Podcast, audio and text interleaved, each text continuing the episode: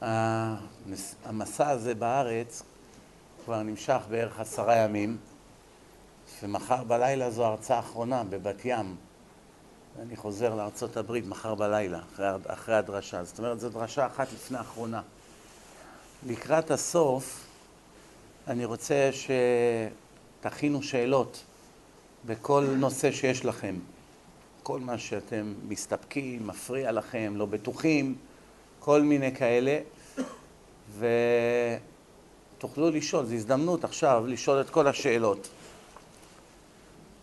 כי תמיד כשיש קהל מעורב, מה שאני לא אדבר זה לא תמיד יתאים לכולם. ככה לפחות בשלב השאלות, אדם יכול לשאול את השאלות שמטרידות אותו. אתם יודעים, העולם מחולק לכל מיני קטגוריות של אנשים. מהצדיקים הכי גדולים עד הרשעים הכי גדולים. יהודים ולא יהודים. בכל מקום יש טובים ורעים כידוע לכם. יש קבוצה אחת של אנשים, קבוצה אחת של אנשים, שהיא, אלה אנשים שיודעים את האמת, יודעים שיש לעולם בורא, יודעים שהתורה התקבלה על ידי בורא עולם במעמד פומבי לעיני מיליוני עדים לפני 3,300 שנה בערך, יודעים שאלה שחיים על פי הדת הם האנשים שחיים על פי האמת, יודעים שיש שכר ועונש לכל המעשים, יודעים שיש גן עדן ויש גיהנום ויש כף הקלע ויש גלגולים בחי, צומח, דומם, בבעלי חיים.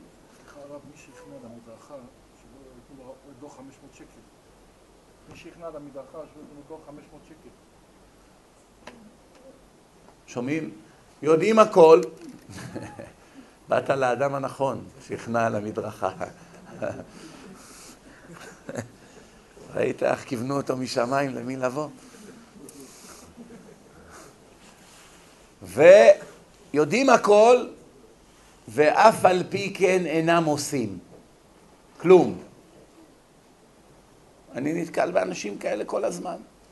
כשאני נתקל באיזה קיבוצניק או איזה רוסי אחד שנולד בסיביר ובחיים שלו לא שמע על יהודים ועל יהדות, אני יודע מה, והוא פעם ראשונה ככה פותח את העיניים, מה באמת?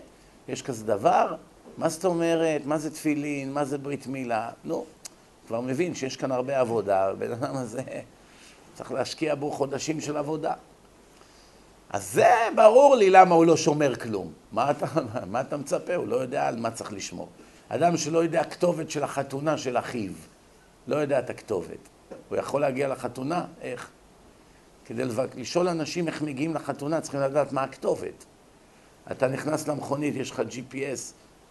ה-GPS יגיד לך לאן ללכת, בתנאי אחד, שאתה יודע את הכתובת. אם אתה לא יודע את הכתובת, מה יעזור לך ה-GPS? לחיים יש תכלית, זה הכתובת. באת לעולם, יש כתובת. אתה בגיל אפס, היום התחלת לחיות. נגיד שאתה צריך לחיות עד גיל שמונים.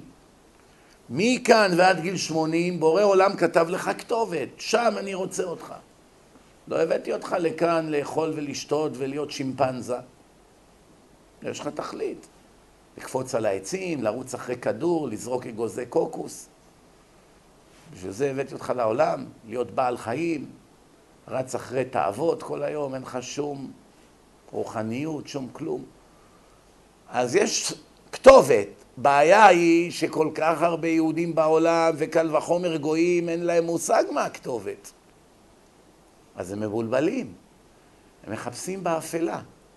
זה מנסה פה וזה שם, וזה מנסה את הכת הזאת, וזה את הכת הזאת, וזה מנסה בדרך הזאת, וזה כל מיני, וזה יוגה, וזה הלך להודו. כולם מחפשים משהו מבחינה רוחנית. כל כך הרבה חילונים ראיתי לאורך השנים שמים את החוט האדום המטופש הזה על היד. ועוד שילמו על זה כסף גם.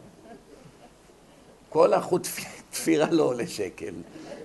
עשה עליהם אלפי דולרים על ה... חותך להם חוט, קושר, נותן להם על היד, והם מסתובבים כאילו עכשיו הייתה להם פגישה עם הבבא סאלי או משהו. וכששואלים אותה, מה זה הדבר הזה? למזל. מאיזה מזל? ממי? זה סגולה. איפה זה כתוב? מה זה? בקבלה. אולי בקבלה, בקופת חולים אולי. לא בקבלה של היהדות. זה לא כתוב לא בזוהר, לא בקבלה. סתם מישהו המציא את זה, ועובדים על אנשים כבר עשרות שנים. לזה הם מוכנים להיות דתיים. למה כל החילונים שבאים לכותל שוקלים מיד לשים חוט אדום? חוץ משקל, שניים, תרומה, זה לא מחייב. אני נשאר אותו בן אדם כמו שהייתי. אם אני בן אדם בינוני, בינוני, אם אני בהמה, בהמה. אבל אני נשאר אותו דבר ואף אחד לא יגיד לי מה לעשות. מה זה החוט הזה? תביא חוט. יש ספר אחד שכל העולם נלחם בו, או לפחות רובו.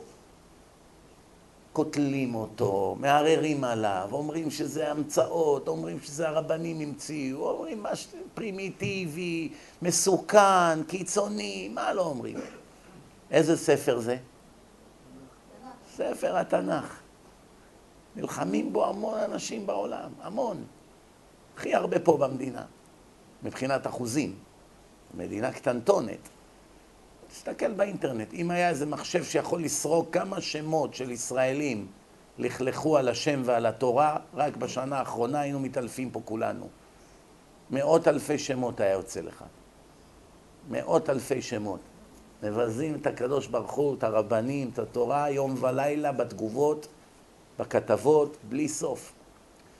השם נותן להם חמצן, נותן להם מים, נותן להם אוכל, נותן להם בית, עבודה, פרנסה, בריאות, אישה, ילדים, מכונית, טעם, אוכלים, הגוף מתפקד, הקיבה, יציאות, עיניים, אוזניים, מה לא נותן להם? לוקחים את הכל, כמובן לא אומרים תודה ומשתמשים בהכל נגדו כל החיים. יש חוצפה יותר גדולה מזאת? יש פושעים יותר גדולים מהאנשים האלה באנושות? שקיבלת ממני 80 שנה חיים, ראייה, שמיעה, טעימה, כל המערכות שלך, מיליוני ניסים כל שנייה יש לך בגוף כדי שתוכל לתפקד בדקה הקרובה. מיליונים של ניסים, מי שקצת יודע אנטומיה של הגוף ורפואה, פיקשוש אחד קטן באחת המערכות מביא לקריסה טוטאלית תוך כמה דקות. איזה חיידקון קטן מיקרוסקופי נכנס לך בגוף, חיידק טורף, גמרת את החיים. הרס אותך מבפנים. חיידק, אי אפשר לראות אותו, צריך מיקרוסקופ בכלל. כל דבר קטן. ושמונים שנה אני מאכיל אותך ואתה יורק עליי בלי סוף. רק מה, ביום שאותם אנשים יגלו מה הם עשו, כבר יהיה מאוחר לתקן. אתם למשל, ברוך השם יש לכם שכל. איך אני יודע שכל האנשים שיושבים כאן הלילה יש להם שכל? הם באים לשמוע שיעור תורה, מוסר, התעוררות, הוכחות, כל מה שצריך, ויש סיכוי סביר שאחרי הלילה כל מי שיצא כאן בדלת יהיה יהודי קצת יותר טוב מאתמול. זה סיכוי סביר, זה לא תמיד קורה, אבל זה הרבה פעמים כן קורה. מה רואים מכאן? שעצם הבחירה שבחרת הלילה בנס ציונה להגיע פה להיכל התרבות, זה היכל תרבות פה, כן? איך קוראים למקום הזה? יד לבנים, מה זה נקרא יד לבנים? איזה בנים? שנפלו בצבא? או, הבנתי. או-אה. אז זה עוד יותר מחייב. אז עצם זה שבאת לפה, סימן שכבר בבחירה שלך היה לך שכל. עשית בחירה חשובה מאוד. כי כבר שבחרת, בדרך כלל הסוף ידוע. זה הכל הולך על הבחירה. יש לך שתי בנות לחתונה. אחת יפהפייה, אבל רקובה מבפנים. הכל חיצוני, הכל גשמי, הכל פיזי. אבל נראה טוב, מוצא, איך אמר לי אחד, אחד אמר לי עכשיו, היום, מתי אמר לי את זה? או, ברמת בית שמש דיברתי עכשיו לאמריקאים שם באנגלית, ביציאה אמר לי, זה אמריקאי אחד שמתעסק בגרפיקה, הוא אמר לי, יש לי רעיון לקדם את הקירוב. אמרתי לו, איך? אומר, תראה, לאסוף כסף אני לא יודע, אני לא, לא טוב בזה. אבל לשווק קירוב אני יכול לשווק טוב טוב. תוך כדי שאנחנו הולכים לאוטו, הוא אמר לי איזה משפט שככה צלצל לי טוב באוזן. הוא אומר לי, הרי בשיווק הכל תלוי באריזה. הרבה יותר ממה המוצר. האריזה מוכרת. אף על פי שלימדו אותנו פה מיליון פעם בבתי הספר, אל תסתכל בקנקן אלא מה שבתוכו, כולם מסתכלים רק בקנקן. לכו לכל הצעירים שקונים מכוניות, לפי מה הם קונים? לפי איך שזה נראה, מבריק, ספורט, פש, נראה פרארי. היה טמבל, המנוע נשרף עוד שנייה. מה עכשיו? כל האוטו מפורק, אבל נראה טוב, עושה רושם, שישרף. תן לי חודש להשוויץ כבר שווה. ככה הוא חושב, הוא לא חושב עכשיו מנוע, גיר, את הדברים החשובים. מובן. אז באמת, יש כאן שאלה שצריכים להבין. אם יש כל כך הרבה יהודים שכבר השתכנעו מזמן, שמעו סמינרים, שמעו הוכחות, תורה ומדע, חיים אחר המוות, תכלית, שמעו הכל. הייתכן שהם ימשיכו לחיות כל החיים בשקר, ביודעין? עוד פעם, שוב, אני מדבר על אלה שבאמת יודעים הכל, זאת אומרת, הם גם יודעים שיהיה להם מחיר כבד מאוד לעבירות שלהם. מאוד כבד. הם יודעים שאצל הקדוש ברוך הוא אין צחוק.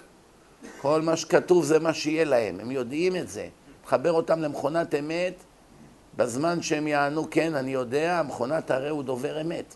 והנה, ממשיך עוד עשרים שנה להיות חילוני. איך זה יכול להיות? אמרתי, אחד שלא יודע מה תכלית החיים. רוב העם לא יודעים מה תכלית החיים. תעמדו ברחוב, בכיכר העיר, כל יהודי שבא, תעשו את עצמכם עיתונאים. אדוני, אנחנו עושים פה סקר.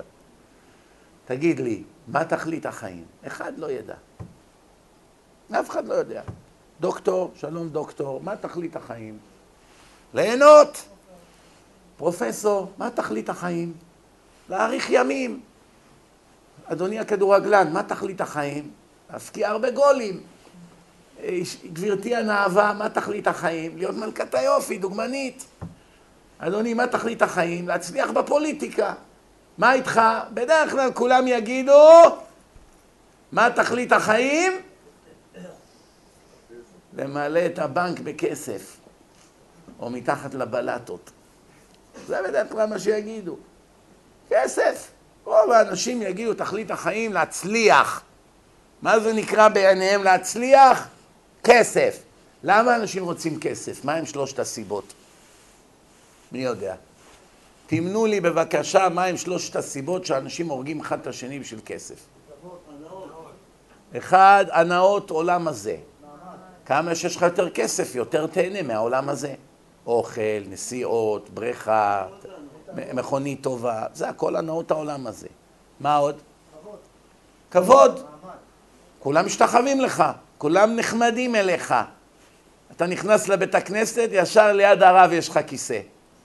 שמעתם מי בא? זה מהחברת הייטק. ששש, תביא אותו, תשאיר אותו ליד הרב. ששש, נו, נו, מהר. למה? הוא בא במכונית יפה, כל האנשים המזויפים רצים להתחנף אליו. זה העולם, אין מה לעשות, זה מציאות. בעל המאה, יפה. ומה הסיבה השלישית? מה? גאווה אמרנו כבר, כבוד זה גאווה. חוסר ביטחון. כוח, שלטון, אני, אני שולט בכולם, כיף. מי יצייץ נגדי פה? שולט בחברה, שולט בפועלים, שולט באישה, שולט בילדים שלך, הם צריכים אותי. נראה אותם מעיזים להתחצף, אני אראה להם מה יהיה הסוף שלהם. כולם רועדים, פוחדים, מה? אבא שלי ינשל אותי מהירושה. אז הרבה מעמידים פנים.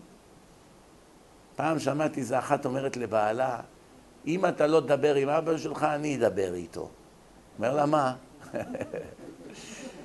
אני הולך לדבר איתו. מה? אני רוצה את הירושה שלו בחייו, לא אחרי שימות. עכשיו, שייתן לי את החלק. אומר לה, מה, את משוגעת להגיד לאבא שלי כזה דבר? היא אומרת, אני אוכיח לו שזה לטובתו. מה עדיף? אחרי שימות, שיישאר לנו הכסף שלו, שכבר הילדים יהיו גדולים ולא יצטרכו, יצטרכו עזרה, או שעדיף שבחייו יראה איך אנחנו מגדלים את הילדים, קונים להם, עוזרים להם. הוא היה עשיר מאוד, האבא הזה. אבל איך אומרים? ברזל. יש איזה אחד, הוא הסכים עם אותה אישה, במנטליות שלו. הוא אמר, אני לא אהיה כמו ההורים המטומטמים האלה שמשאירים את הכסף של הילדים שלהם רק אחרי שמתים. שבדרך כלל הם כבר יסתדרו בלעדיהם. אני אתן להם את זה בחיי, כי אני רוצה לראות את הילדים שלי נהנים מהכסף. כשאני אהיה בקבר אני כבר לא אהנה לראות. הלך נתן לשלושת בניו את כל ממונו. שליש, שליש ושליש. אז כמובן, הם, אבא רעיון טוב, איזה חכם אתה, צדיק אחד בסדום, סוף סוף אחד מבין. נתנו לו הרבה מחמאות. שבועיים אחרי, כבר לא מזמינים אותו יותר לשבתות. אני מדבר איתכם על דתיים. עד אז, כל השנים רבו איפה הוא יהיה בשבת. הוא אלמן, שלושת האחים, כל שבת מריבות בין, בין הכלות. הוא אצלנו השבת. מה פתאום, אנחנו הזמנו כבר. יש לנו אורחים, לכם אין אורחים. שבת הבאה תיקחו אותו. אז הוא היה מאוד, איך אומרים, רווק מבוקש. אחרי שחילק את ממונו לשלושת בניו, וישמן ישורון ויבעט. שמנת אבית כסית ושכחת את אביך. בתורה כתוב ואיתו שלו, זה אותו דבר, גם הוא, גם הוא אביך. עם נבל ולא חכם, כתוב. שאתה שוכח את אביך שבשמיים, הקדוש ברוך הוא קורא לך נבל ולא חכם. גם אם אתה פרופסור בהרווארד, אין טיפש יותר ממך להתכחש לאביך, כוונה על אביך שבשמיים, גם אביך שבארץ. כפוי טובה להיות ולא לכבד את ההורים, אבל זה עוד יכול להיות מחיכוכים, מריבות, השפילו אותך, ביזו אותך, אני יודע מה, בסדר, אולי יש לך תירוצים. אבל מה השם עשה לך? מה, נתן לך את כל ההון שבעולם, את כל, ה, כל הכל טוב שבעולם. על דבר הכי קטן שיש לך, היית צריך מיליון שנה לשיר לו. מה רבו מעשיך השם, כולם בחוכמה עשית. ומה עשית במקום לשיר לו? ירקת וביזית אותו שמונים שנה. אז עכשיו, האבא הזה חילק את ממונו, פתאום הוא רואה, שבת שלישית, כבר לא קוראים לו. הוא נשאר לבד בבית, עמום. ירד מהר לחנות, קנה קצת גפילטה פיש, זה... מה יעשה עכשיו? צריך לעשות שבת לבד בגילו. ככה לאט לאט התקיים בו הפסוק, אל תשליכני לעת זקנה, ככלות כוחי אל תעזבני, זה פסוקים בשלמה המלך. בא לרב, הרב אומר לו, כבוד הרב, עשיתי נראה לי טעות חמורה. אומר לו, מה אני לתומי חשבתי שאם אני אחלק את כל הכסף שלי לבניי, יעריכו אותי עוד יותר.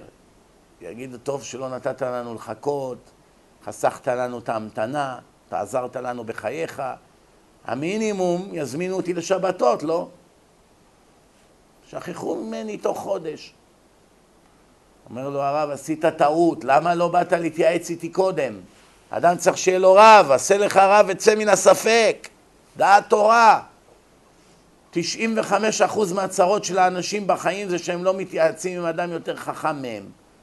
או גם כבעל ניסיון חיים, או כאחד שעוסק עם הציבור, אז הוא רואה אלפי מצבים כל שנה, וממילא יש לו אנציקלופדיה של ידע, לאו דווקא שיותר חכם ממך. יכול להיות שאתה גם איזה גאון, אני יודע מה, איזה מומחה למחשבים, פרופסור למתמטיקה, אתה גם חריף, זה לא אומר שאתה פחות חכם. אבל את החוכמת חיים שיש לרבנים, לאף אחד אין, בגלל שהם עוברים את זה כל דקה, כל שעה. זה מעצרות, גירושין, בעיות, סמים, ילדים, פוליטיקה, מס הכנסה, מריבות בין שותפים, ירושות, כל הזמן. אז ממילא הם מבינים איזה טעויות משותפות כל האנשים עושים, ואיך להציל אותם מהם. יש להם גם סייעתא דשמיא, אינטואיציה. הקדוש ברוך הוא עוזר למישהו שהציבור תלוי בו, ככה כתוב. היה מעשה, עם הדוד שלי, עליו השלום. הוא עבד באמקור. יש עוד חברת אמקור? למקררים? עליהם השלום. אז הוא עבד 40 שנה כמדומני באמקור. אז הוא היה אמור לצאת לפנסיה. הוא היה אמור לקבל איזה סכום יפה מאוד של כסף אחרי 40 שנה של עבודה. פנסיה, פיצויים. הוא בא לרב בן ציון, אבא שאול זצ"ל, גדול הדור, והמקובל הכי גדול שהיה בעולם, ואחד הצדיקים הכי גדולים שהיו בעולם. זה היה בערך לפני קרוב ל-30 שנה, 25 אולי. חכם בן ציון, אנחנו גרים ברמלה. דירה ברמלה אז הייתה עולה חצי מדירה בירושלים. חצי בדיוק. אותו גודל, אותו הכל, חצי במחיר. אמר לו, אני עכשיו אקבל את הפנסיה, ואני רוצה לעבור לגור בירושלים. חזרנו בתשובה כל המשפחה. לא רוצה להישאר פה ברמלה. אבל מה, ברמלה אני יכול עכשיו לקנות בית בלי משכנתה, בכסף של הפיצויים. אם אני אלך לירושלים, חצי מהסכום יהיה במשכנתה, ואני כבר לא אעבוד, אני פנסיונר. אז האם לפתוח בהשם ולעשות את זה בכל זאת, או שאין מה לעשות, נשאר ברמלה עד יום מותנו. אמר לו הרב בן ציון, שתקבל את הכסף ביד, תחזור אליי עם השאלה הזאת, ואז אני אענה לך. הדוד שלי מיד נבהל. בהלה אחזתו. למה אם אתה בא לאדם כזה קדוש, בעל רוח הקודש ומוח של מאה מחשבים ביחד, מי שהכיר מי זה, והוא אומר לך, כשיהיה לך את הכסף נדבר, במילים אחרות. מה אתה מיד מבין? יואו, אני רואה שהולכים לעשות לי איזה תרגיל. אבל הדוד שלי הזה, עליו השלום, היה בו איזו תכונה, הוא לא היה משאיר דברים פתוחים. ישר הוא אמר לו, מה, כבוד הרב רואה שאני לא אקבל את הכסף? לא אמרתי, הוא אומר לו. אז מה? נכנס ללחץ. אומר לו, עכשיו לא עוזרים לי משמיים לתת לך תשובת אמת, כי זה לא הלכה למעשה. סתם שאלה היפותטית. שיהיה לך את הכסף ביד ועכשיו תצטרך להחליט לקנות דירה, אז משמיים יראו לי מה התשובה. שומעים? ככה זה עובד. הוא אמר לו ככה. בסוף הם באמת עברו לירושלים, טוב. הוא היה מגיש לרב כדורי את הטבק בשיעורים. משהו טוב כבר יצא מזה. אתם מכירים את הטבק שהזקנים שמים באף? הוא היה כל שיעור, הוא רוצה להיכנס למצלמה, היום מצלמים, היה מביא לו את הזה. יש כאלה בדרשות, איפה שיש מיקרופונים, כשיש מיקרופונים יש הרבה שאלות בקהל. למה? כי יש גם מצלמה על הבן אדם, הוא אומר, אני אתפרסם. יבואו פה בכל הארץ, יגידו, ראינו אותך בדרשה. אין מצלמה על הקהל, פתאום אין שאלות. יוצא שבעצם השאלות זה לא באמת שאלות, זה גאווה. להתפרסם. פעם היה לי איזה אחד בברוקלין, סמי קראו לו, סמי.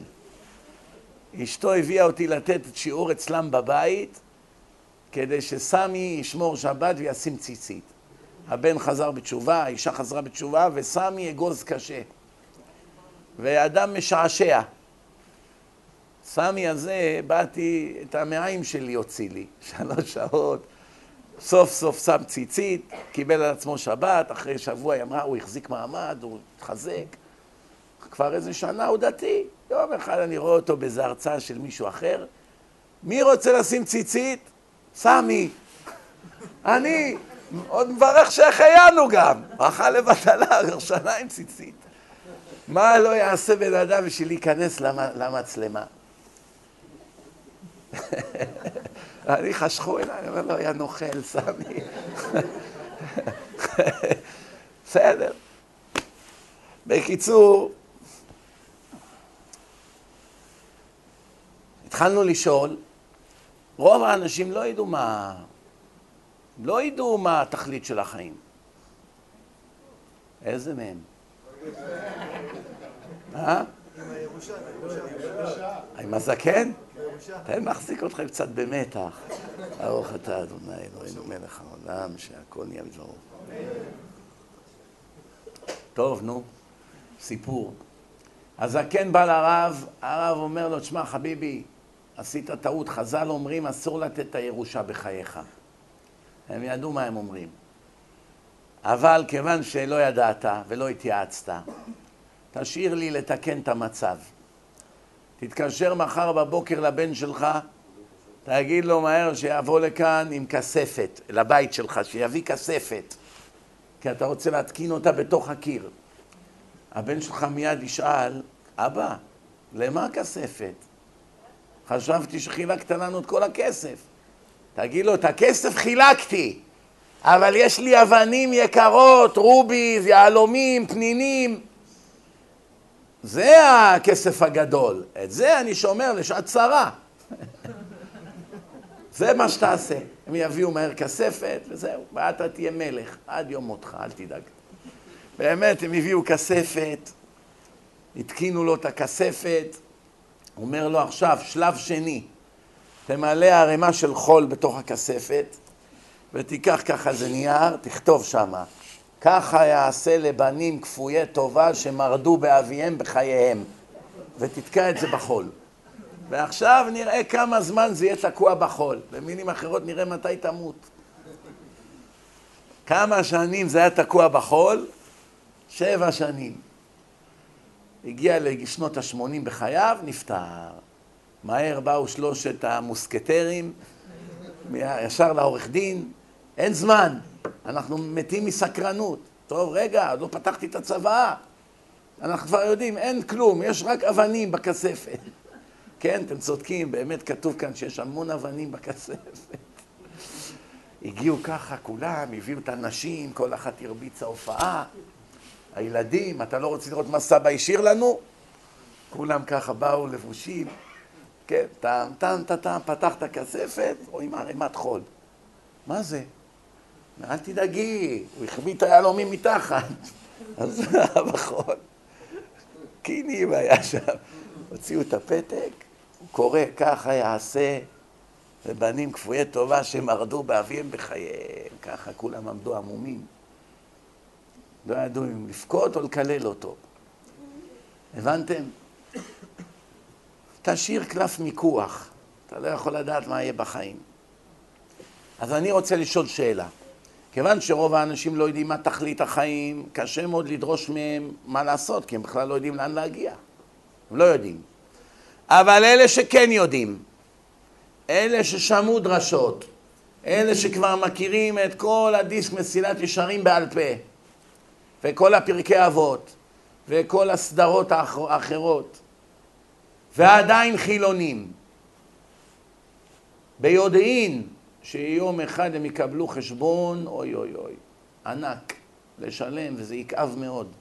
והם ממשיכים בדרכם ומסתכנים שאם חס וחלילה יקרה להם משהו היום או מחר, כבר לא יוכלו לעולם לתקן. הם משחקים באש.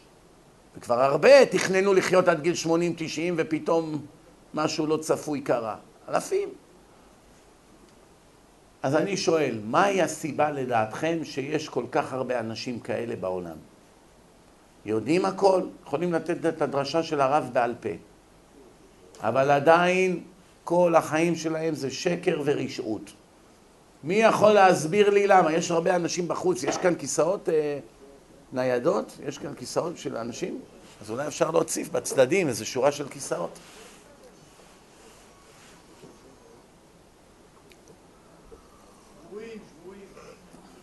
טוב. מי יכול להגיד לי מהי הסיבה? בבקשה. לא, לא. מי שלא רוצה להתחייב זה אחד שלא רוצה לשמוע את האמת כי הוא יודע שאז הוא יתחייב. אני מדבר אחד שכבר שמע את האמת. יודע כבר הכל, יודע בדיוק מה יהיה הסוף שלו. וממשיך בדרכו. אבל התורה נתנה בחירה חופשית אם להיות צדיק או רשע. נגיע לזה תכף, נגיע לזה. הם לא רוצים לשנות את ההרגלים שלהם. למה לא לשנות את ההרגלים? אם אדם היה נרקומן והוא שינה את ההרגלים והפסיק, זה טוב או לא? אם אדם היה אוכל כמויות אדירות של אוכל והוא יקבע כבר ל-500 קילו והתחיל לאט לאט לאכול פחות, פחות, פחות ואחרי חמש שנים נהיה דוגמן אז זה טוב לשנות את ההרגלים. הוא עשה שינוי, אבל... אז למה, אז אתה רואה שאנשים לא כל כך פוחדים מלשנות את ההרגלים. כן, אני יודע. מת ולא, אף על פי כן, כן. נו, נו, מה אתם אומרים? אני רוצה תשובה טובה. זה נכון שתמונה אחת שווה אלף מילים, או לפעמים מיליון מילים, זה נכון. מי יכול להביא לי מהתורה ראייה? מה שאומרים, תמונה אחת שווה אלף מילים, יש הוכחה מוכחת בתורה.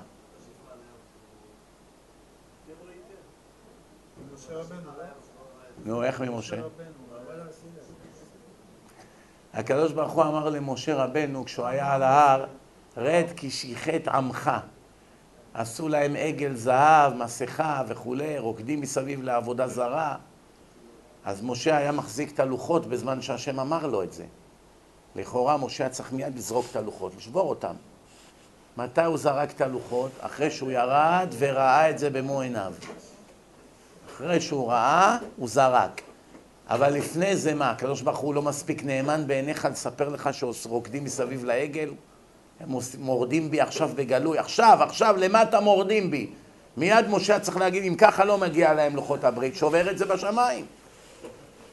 אלא מתי משה שבר? רק כשראה בעיניים. אותו דבר, הקדוש ברוך הוא אמר למשה רבנו, המטה הזה שבידך, זרוק אותו, והוא יהפך לנחש. אז משה ידע כבר מראש, עוד מעט תהיה נחש פה ליד הרגל שלו. הוא לא זרק את המקל וברח. מתי הוא ברח? אחרי שזה נהפך לנחש, אז הוא ברח. למה לא זרקת ורצת? זה עוד לא הפחיד אותי כל כך, שהשם אמר לי זה יהיה נחש תכף. עכשיו שזה נהיה נחש, ויאנוס. ותראו מה זה מדהים, יש לו הבטחה מהשם שהוא יוציא את בני ישראל ממצרים. שהשם יהיה איתו, שהשם ידבר בשבילו, שהשם ישמור עליו. ועכשיו אין כזה מציאות שזה לא יהיה ככה. אני מוציא את בני ישראל ממצרים רק על ידך. הוא רצה לשלוח את אהרון במקומו, השם לא הסכים, אף אחד. רק אתה תוציא אותם ממצרים. זאת אומרת, כל הגאולה תלויה בי, יש לי ביטוח חיים מבורא עולם. אין מה לפחד בכלל. לכאורה בן אדם כזה צריך אפילו אם מישהו יורה במטבח, לבוא לעמוד ככה מול הכדורים. אתה רוצה לראות שלא יפגע בי? בוא תראה. איך אתה כל כך בטוח? השם הבטיח לי, אני אגאל את בני ישראל. אין מציאות שאני אמות, זה יהרוס את הסרט. נכון או לא? אז מנחש הוא ברח? פחד שהנחש יקיש אותו? מה רואים מכאן? אף על פי שבידיעה זה ברור וחתום אצלך כשמש, יש לך רפלקסים טבעיים שאתה פוחד, אין מה לעשות. אין מה לעשות.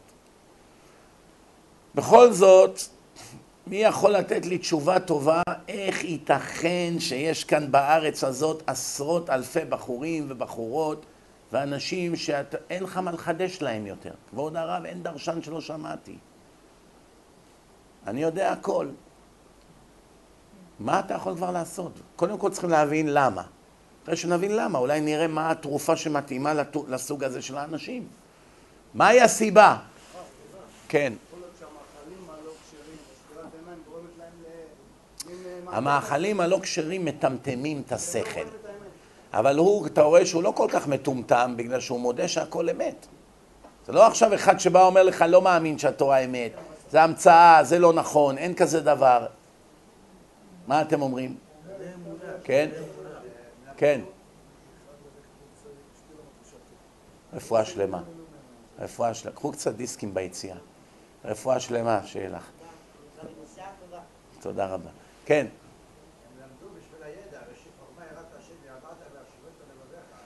בסדר, למדו בשביל הידע, אבל עכשיו הם יודעים. תגיד לי, אני אשאל אותך שאלה. אתה לא תכננת לשתות היום.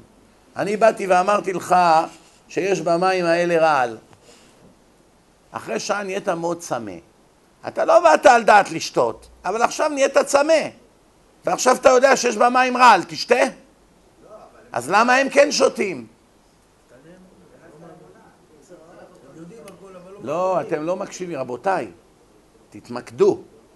כבר אמרתי בכוונה שהם יודעים ומודים בהכל, בדיוק כמו הרב.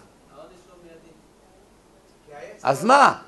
אנחנו, אנחנו שנוסעים בכביש, מאטים כל פעם שהווייז אומר מצלמה לפניך, ש- עוצרים. גם העונש לא מיידי, יבוא עוד חודש. הם אומרים, יש לנו 80 שנה, אני אחכה, וכשאני אהיה בגיל 70 אני אחזור. או, פה אתה מתחיל כבר לדבר לעניין. הוא מתחיל כבר לדבר לעניין. חכו, אבל זה לא כל התמונה. הוא אומר, הם אומרים, יש זמן. הרי יש מציאות כזאת שאפשר לעשות תשובה בכל גיל, נכון? ביום, יום אחד אני אחזור בתשובה, ואז הכל יימחק לי, מה? מה הלחץ?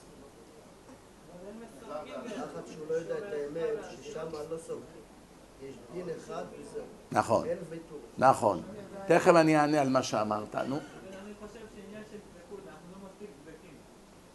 דבקים ב... ב- בכל זאת אני מדבר על עצמי. אני יודע, אני שומע הרבה את השיעורים, אבל אני לא, לא עושה מספיק. אני יכול לשמוע שיעור, להתמלא כולי מלא מוטיבציה ורצון לעשות, ואם אני לא ממשיך את זה ומחיה את זה, זה מתקרר ויורד, ואתה רואה דברים, אתה פוגם בעיניים, עושה דברים. אז באמת, תכף אני אתייחס למה שאתה אמרת, אבל לפני זה, התשובה היא נכונה. הרבה אנשים אומרים, אין זמן, מה הלחץ? עוד מוקדם מדי להיות פנאט. אבל אותם אנשים גם יודעים שכתוב בתורה, האומר, אחטא ואשוב, אחטא ואשוב, אין מספיקים בידו לעשות תשובה. אחד שאומר, היום אני יודע את האמת, יום אחד אני אהיה צדיק. לא, לא עכשיו, לא לחוץ. לא לחוץ. הרבה אמרו לי, מאות אנשים אמרו לי, כבוד הרב, אני נותן לך מילה. מילה. נו, מי יודע מה ההמשך של המשפט? אני נותן לך מילה. נו, נו. יש באמצע מקומות, שם, תגידו להם. כשאני מתחתן, או, שמעתם? ביום שאני מתחתן, אין מציאות שאני אחלל שבת. מי אמר לך שתתחתן? אז מה, אם לא תתחתן כל החיים אתה תהיה רשע? מה?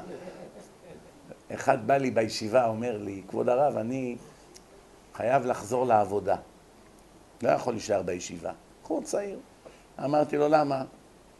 אומר, אני עוד מעט אתחתן, ביום שאני אתחתן לא יהיה לי פרוטה בכיס. יגידו, אני צריך לקנות טבעת, מכונית, שכר דירה, לשים מקדמה. מאיפה יהיה לי כסף? מה, אני עכשיו לומד, נותנים לי מה שאני צריך פה בישיבה, ואני לא חוסך כלום. אני צריך להכין תרופה למכה. אמרתי לו, מי מבטיח לך שתתחתן? אומר לי, אה, כבוד הרב, אל תקלל, אל תגיד כאלה דברים. למה אתה פותח פה לשטן? נבהל. סך הכל בן אדם דיבר איתו, הוא כבר נבהל. מהשם הוא לא נבהל.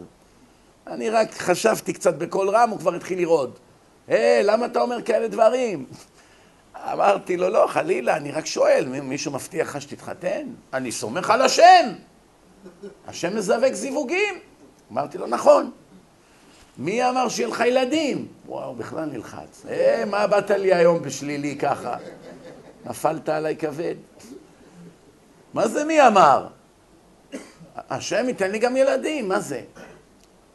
אמרתי לו, תראה איזה אהבל אתה. אתה סומך על השם שימצא לך אישה, אף על פי שזו משימה בלתי אפשרית. אתה סומך על השם שיביא לך ילדים, אבל אתה לא סומך על השם שגם ייתן לך את הכמה פרוטות שאתה צריך בשביל שיהיה לך את הדברים האלה. אתה רואה איזה טיפשות? אתה רואה שזה הכל תירוצים? זה סתם תירוצים. מה? אם אתה לא סומך על השם בכלום, אז בסדר, לפחות אתה אמיתי. אבל אם אתה סומך רק במה שבא לך, משהו פה לא מסתדר, מה? נכון או לא? עכשיו נתייחס למה שאתה אמרת. בוא אני אקרא לך את דברי החזון איש. כתב החזון איש, אם אדם הוא בעל נפש, תקשיבו טוב טוב למילים, זו שפה של אדם ענק. אם אדם הוא בעל נפש, ושעתו שעת השקט, חופשי מרעבון תאווני, אז רואה את העולם בעיניים בהירות. שוב, אני חוזר ואני אסביר. אם אדם הוא בעל נפש, פסיק, ושעתו, שעת השקט, פסיק. חופשי מרעבון תאווני, פסיק. אז רואה את העולם בעיניים בהירות, נקודה. מי הבין?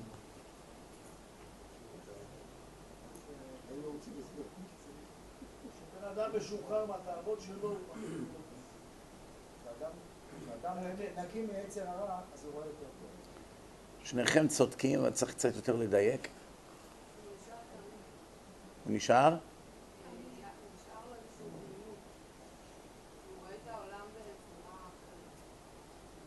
לא מדויק, נו, כן?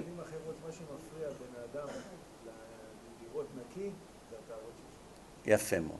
בין התשובה שלך לשניהם, כמעט מאה אחוז עניתם. בואו עכשיו אני אסביר את זה קצת יותר לעומק. אם אדם הוא בעל נפש, זאת אומרת, הוא לא איזה אחד שפגוע מוח, מפגר, אני יודע, משותק שלא יכול לזוז ולא יכול לשמוע וללמוד כלום, חירש, כל אלה שהם מוגבלים. לא מדובר על אלה, מדובר על אדם שיש לו נפש בריאה, בסדר. נורמלי, מה שנקרא. ושעתו שעת השקט. הוא עוצר ממרוצת החיים. טלפונים, אימיילים, עצבים, תנועה, זה, ביזנס, פגישות, ארוחה, זה. לחץ. איך אומרים באמריקה? רביי, time is money. כאילו, אל תבזבז לנו את הזמן. אני עונה להם, no, my friend, money is time. אומר, excuse me? לא הבין. הוא אומר בעברית, באנגלית, זמן זה כסף! כאילו, עזוב אותי עכשיו. אני אומר לו, בוא, בוא נשב נדבר קצת דברי תורה, אני עכשיו עסוק, אני בעבודה. big deal, העבודה לא תברח.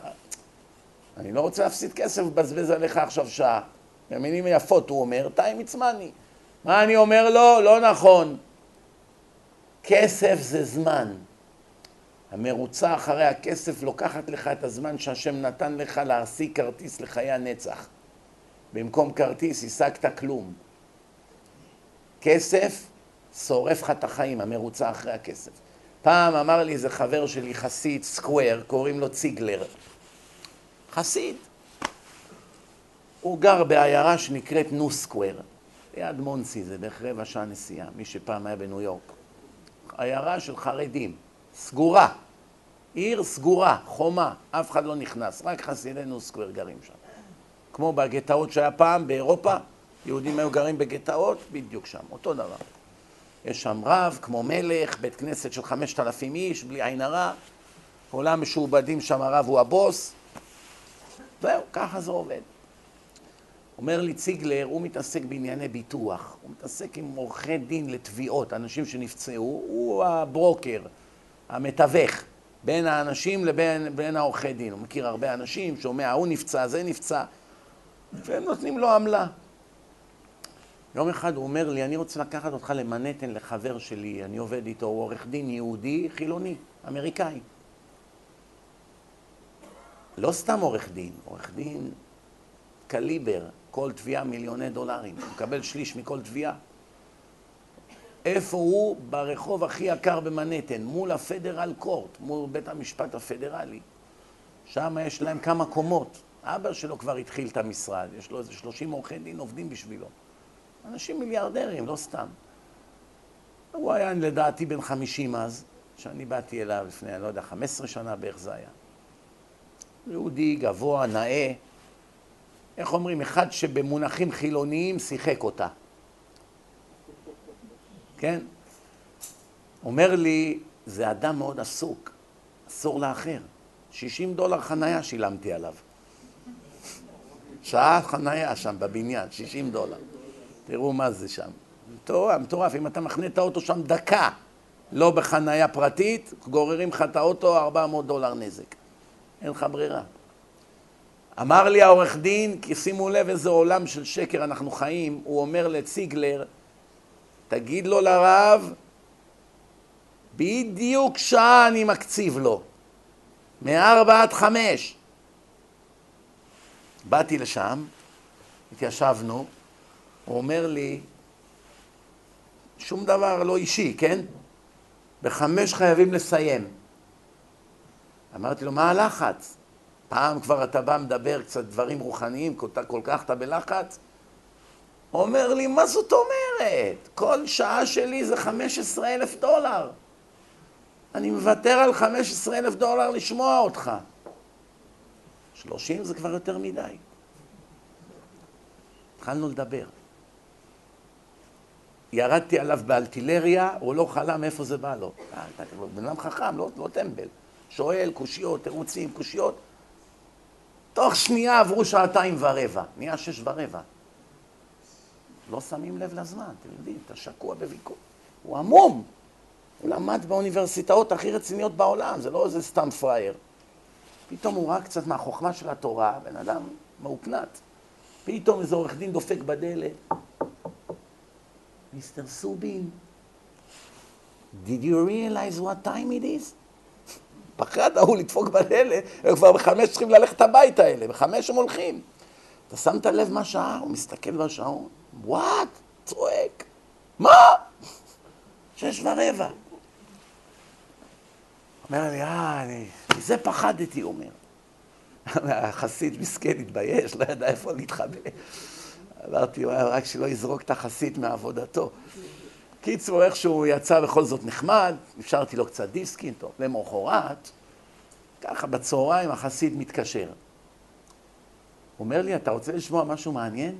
הוא אומר, כן. אני אמר, הוא אומר, התקשרתי למשרד שלו, שאלתי איפה הוא, אמרו, הוא לא בא היום לעבודה. זה כבר שמונה שעות. הוא לא בא היום לעבודה. התקשרתי לפלאפון שלו, איפה אתה? אומר, לקחתי יום חופש. אני יושב פה עם אשתי לדון בכל מה שהרב אמר לי. עברה איזה נגיד חודש, חודשיים, ציגלר הזה חיתן את הבת שלו. אני בא להגיד מזל טוב, את מי אני רואה עם כיפה? את אחד העורך דין הקליברים באמריקה. הוא אומר לי, אתה לא מבין איך הוא השתנה. הוא לא נהיה דתי, הוא לא נהיה חרדי, אבל עצם זה שהשתנה כבר בארבע, חמש, עשר מצוות בחיים שלו, זה בשביל אנשים כאלה שגדלו כמו גויים, זה כבר דבר גדול בשמיים. ייתכן שביום הדין השם ישלח אותו חזרה בגלגול למשפחה דתית. רק על הכמה שינויים שהוא עשה.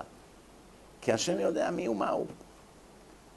השם יודע מה הוא, מה. אני לקחתי אישה אמריקאית לפני עשרים שנה לאוטיסט, ילד אוטיסט, לתקשר איתו.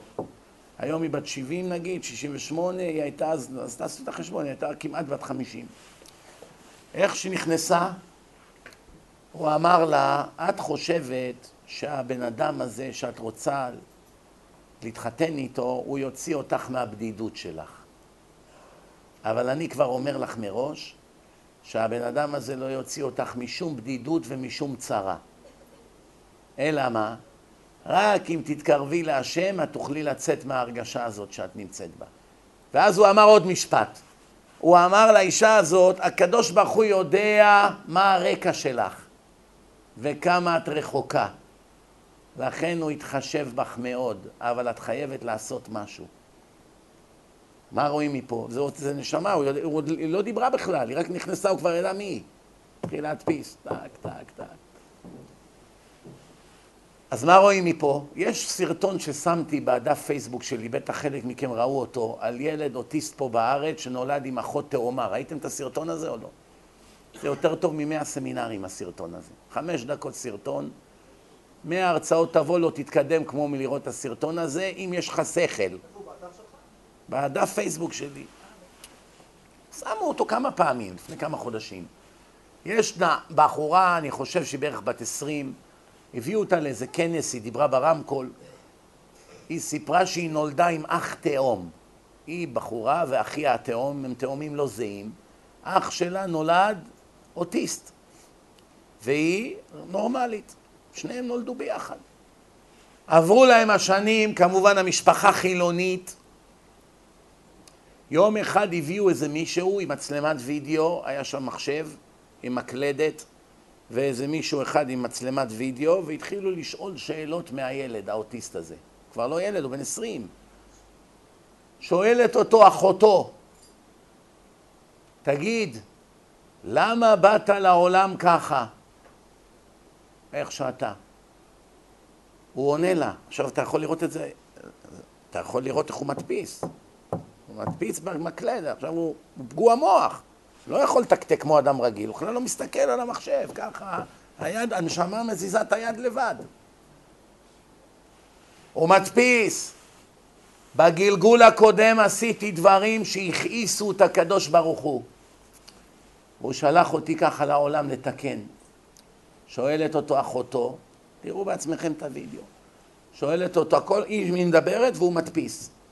מה עשית? דיברתי דברים שאסור היה לדבר על יהודים.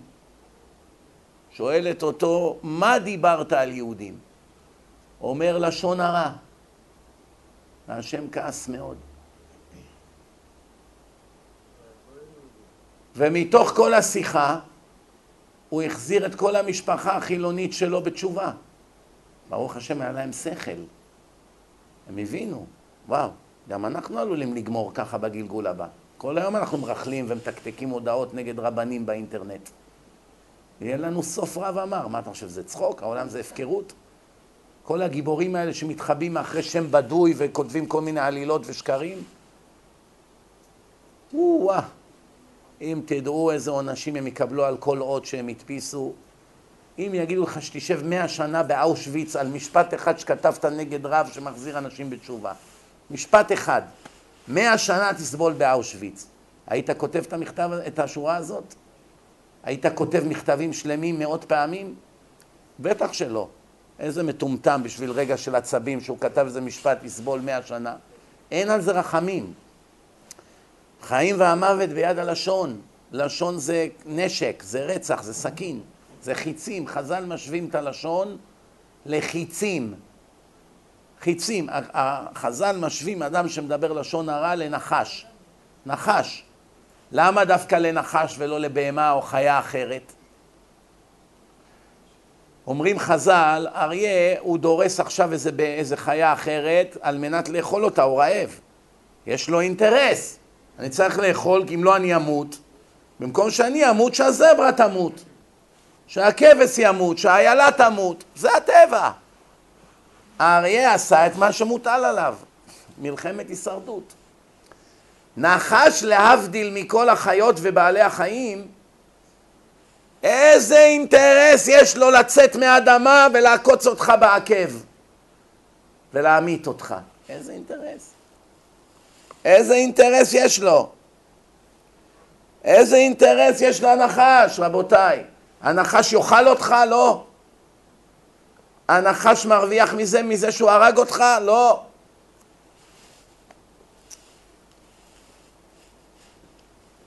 אחד שמדבר עליך לשון הרע, הוא הרוויח מזה משהו?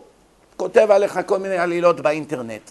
ואנשים אוכלים את הלוקשים האלה חופשי, כאילו שזה בעשרת הדיברות. מה הוא הרוויח? כלום, סתם נקמה. הוא עצמו התעשר? לא. הוא עצמו, מצבו השתפר? לא. כלום.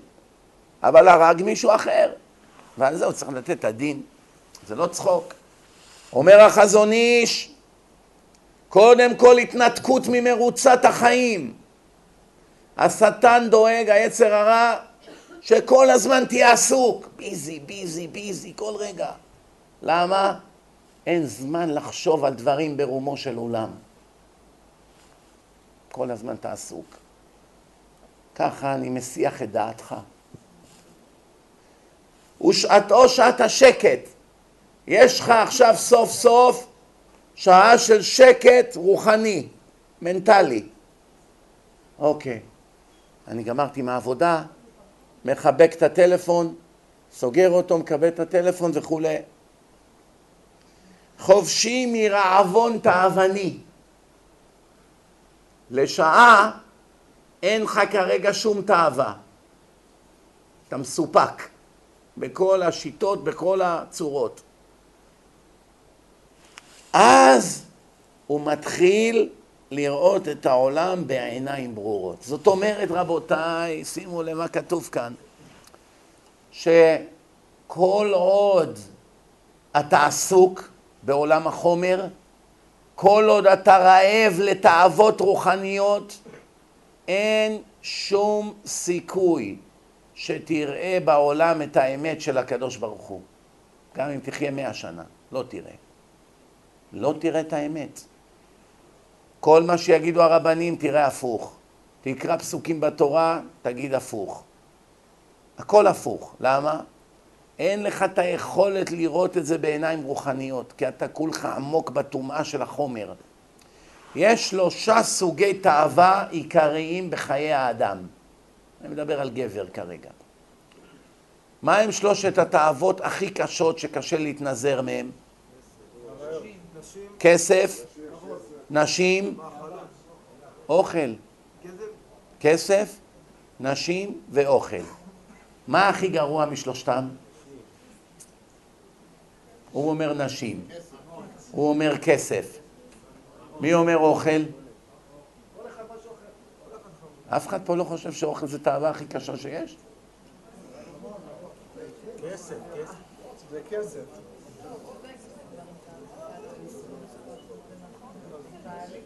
תסתכלו על כל אלה שמנסים לעשות דיאטות, כמה מהם מצליחים.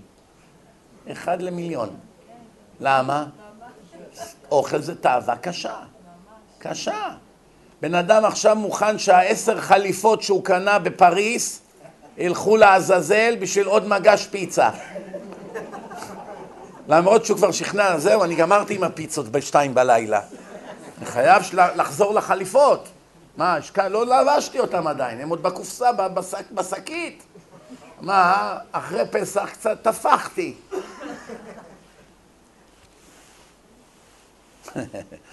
קשה להתגבר על האוכל.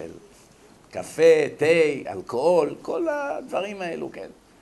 אז מה אתם אומרים, איזה תאווה היא הכי קשה? כסף. כסף. אבל צריכים גם להסביר למה. קשה מצד העונש, או קשה מצד המאמץ? אין לו סוף, כמה שיהיה לך תרצה עוד. לא, תחזור רגע על השאלה שלך. שואל אם הרב מכוון לכיוון הקושי מבחינת העונש? לא על העונש.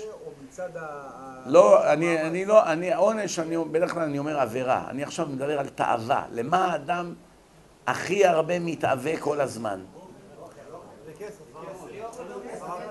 מי אמר אוכל? תגידו לי למה אוכל.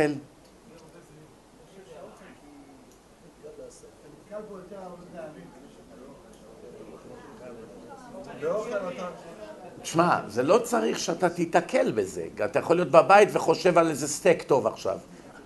אדם יכול להיות עכשיו שוכב במיטה בבית וחושב על איזה מישהי שעשה איתה עבירות. הוא לא צריך להיות שם. התאווה היא קיימת גם כשאתה לא שם. אוקיי, נו, אז זה לא, לא כל כך תלוי אם אתה שם או לא שם. כן.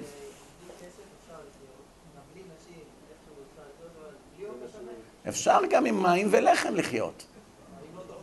לא, אין בעיה, זה לא נקרא תאווה. אדם שאוכל רק לחם ומים, אף אחד לא יקרא לו בעל תאוות אכילה.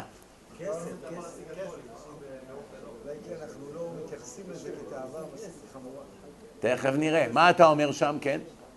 כן, אתה עם הפלאפון. רגע, ששש, כן?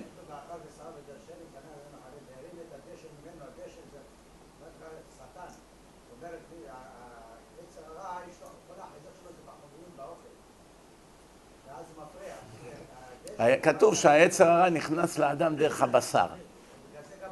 אבל אני לא אומר עכשיו איזה מהתאוות יש לו את ההשפעה הכי קשה על האדם. זה לא מה ששאלתי. אני אומר איזה תאווה היא הכי... כסף, בגלל שאוכל, עם כל התאווה הקשה, אכלת, נהנית 15 דקות, עליה לזמן מסוים. נשים אותו דבר, חמש, חצי שעה, 20 דקות, נהנית הכל, עבר. כסף, לא משנה כמה יהיה לך, אתה תמיד תהיה... חזק וברוך, נתן תשובה מושלמת. מגיע לו כפיים, תאמין לי. זה בדיוק התשובה. נשים, התאווה הכריעה אותך, עשית עבירה, כמו שאמר, 20 דקות, חצי שעה, נרגעת לאיזה יום-יומיים. זה יחזור אחר כך. אז אתה רואה שהתאווה היא on and off, היא לא כל הזמן קיימת. היא מבקרת והולכת. אוכל אותו דבר, אתה עכשיו טפחת, הרגת, אכלת תשע שעות, אתה שבע. עד הערב. אתה רואה שסך הכל כל היום שלך הסתכם בשעתיים תאווה. כל שאר הזמן היית בסדר. כסף, ככל שאתה מרוויח יותר, אתה נהיה רעב יותר. למה זה דומה? לאדם צמא ששותה מים מלוכים מהים. אבל זה מאוד תלוי באופי של האדם. יש אנשים שמרוויחים ומספיק זה שיש מתוך כל סוגי האדם אנשים שנמשכים יותר לכסף וחלק לנשים וחלק לאוכל, זה ברור. כל אדם והתיקון שלו. אנחנו מדברים באופן כללי. מהי התאווה הכי מתמשכת, שאין לה הפסקה? כל החיים שלך יש לך תאוות כסף, מאז שאתה ילד קטן. ילדים כל רגע באים, אבא תן לי שקל, תן לי שתיים, למה זה? לקנות סוכריה, גלידה. זאת אומרת, מגיל קטן אתה כבר רוצה כל הזמן כסף. נתת לו גלידה, אחרי שעה הוא כבר רוצה עוד אחת. הוא רוצה כסף. הוא רוצה אופניים, הוא רוצה זה, הוא רוצה כל מיני דברים, הוא כל הזמן רוצה כסף. שאלתי קודם, מהם הסיבות שאדם רוצה כסף? אמרנו, כבוד, כוח ושלטון ומנעמי החיים. ויש עוד סיבה רביעית שעוד לא הזכרנו, מי יודע מהי? תתפלאו. יש הרבה אנשים שרוצים כסף, לצבור הרבה כסף, רק לצורך צבירת כסף, שהכסף יהיה בבנק. זה נותן לו הרגשה נעימה מאוד. כל יום שהוא רואה המספר עלה בעוד אלף אלפיים, הרחבת הנפש. הוא פוחד לאכול, לא, ללכת לשירותים שלא יצטרך עוד פעם לאכול.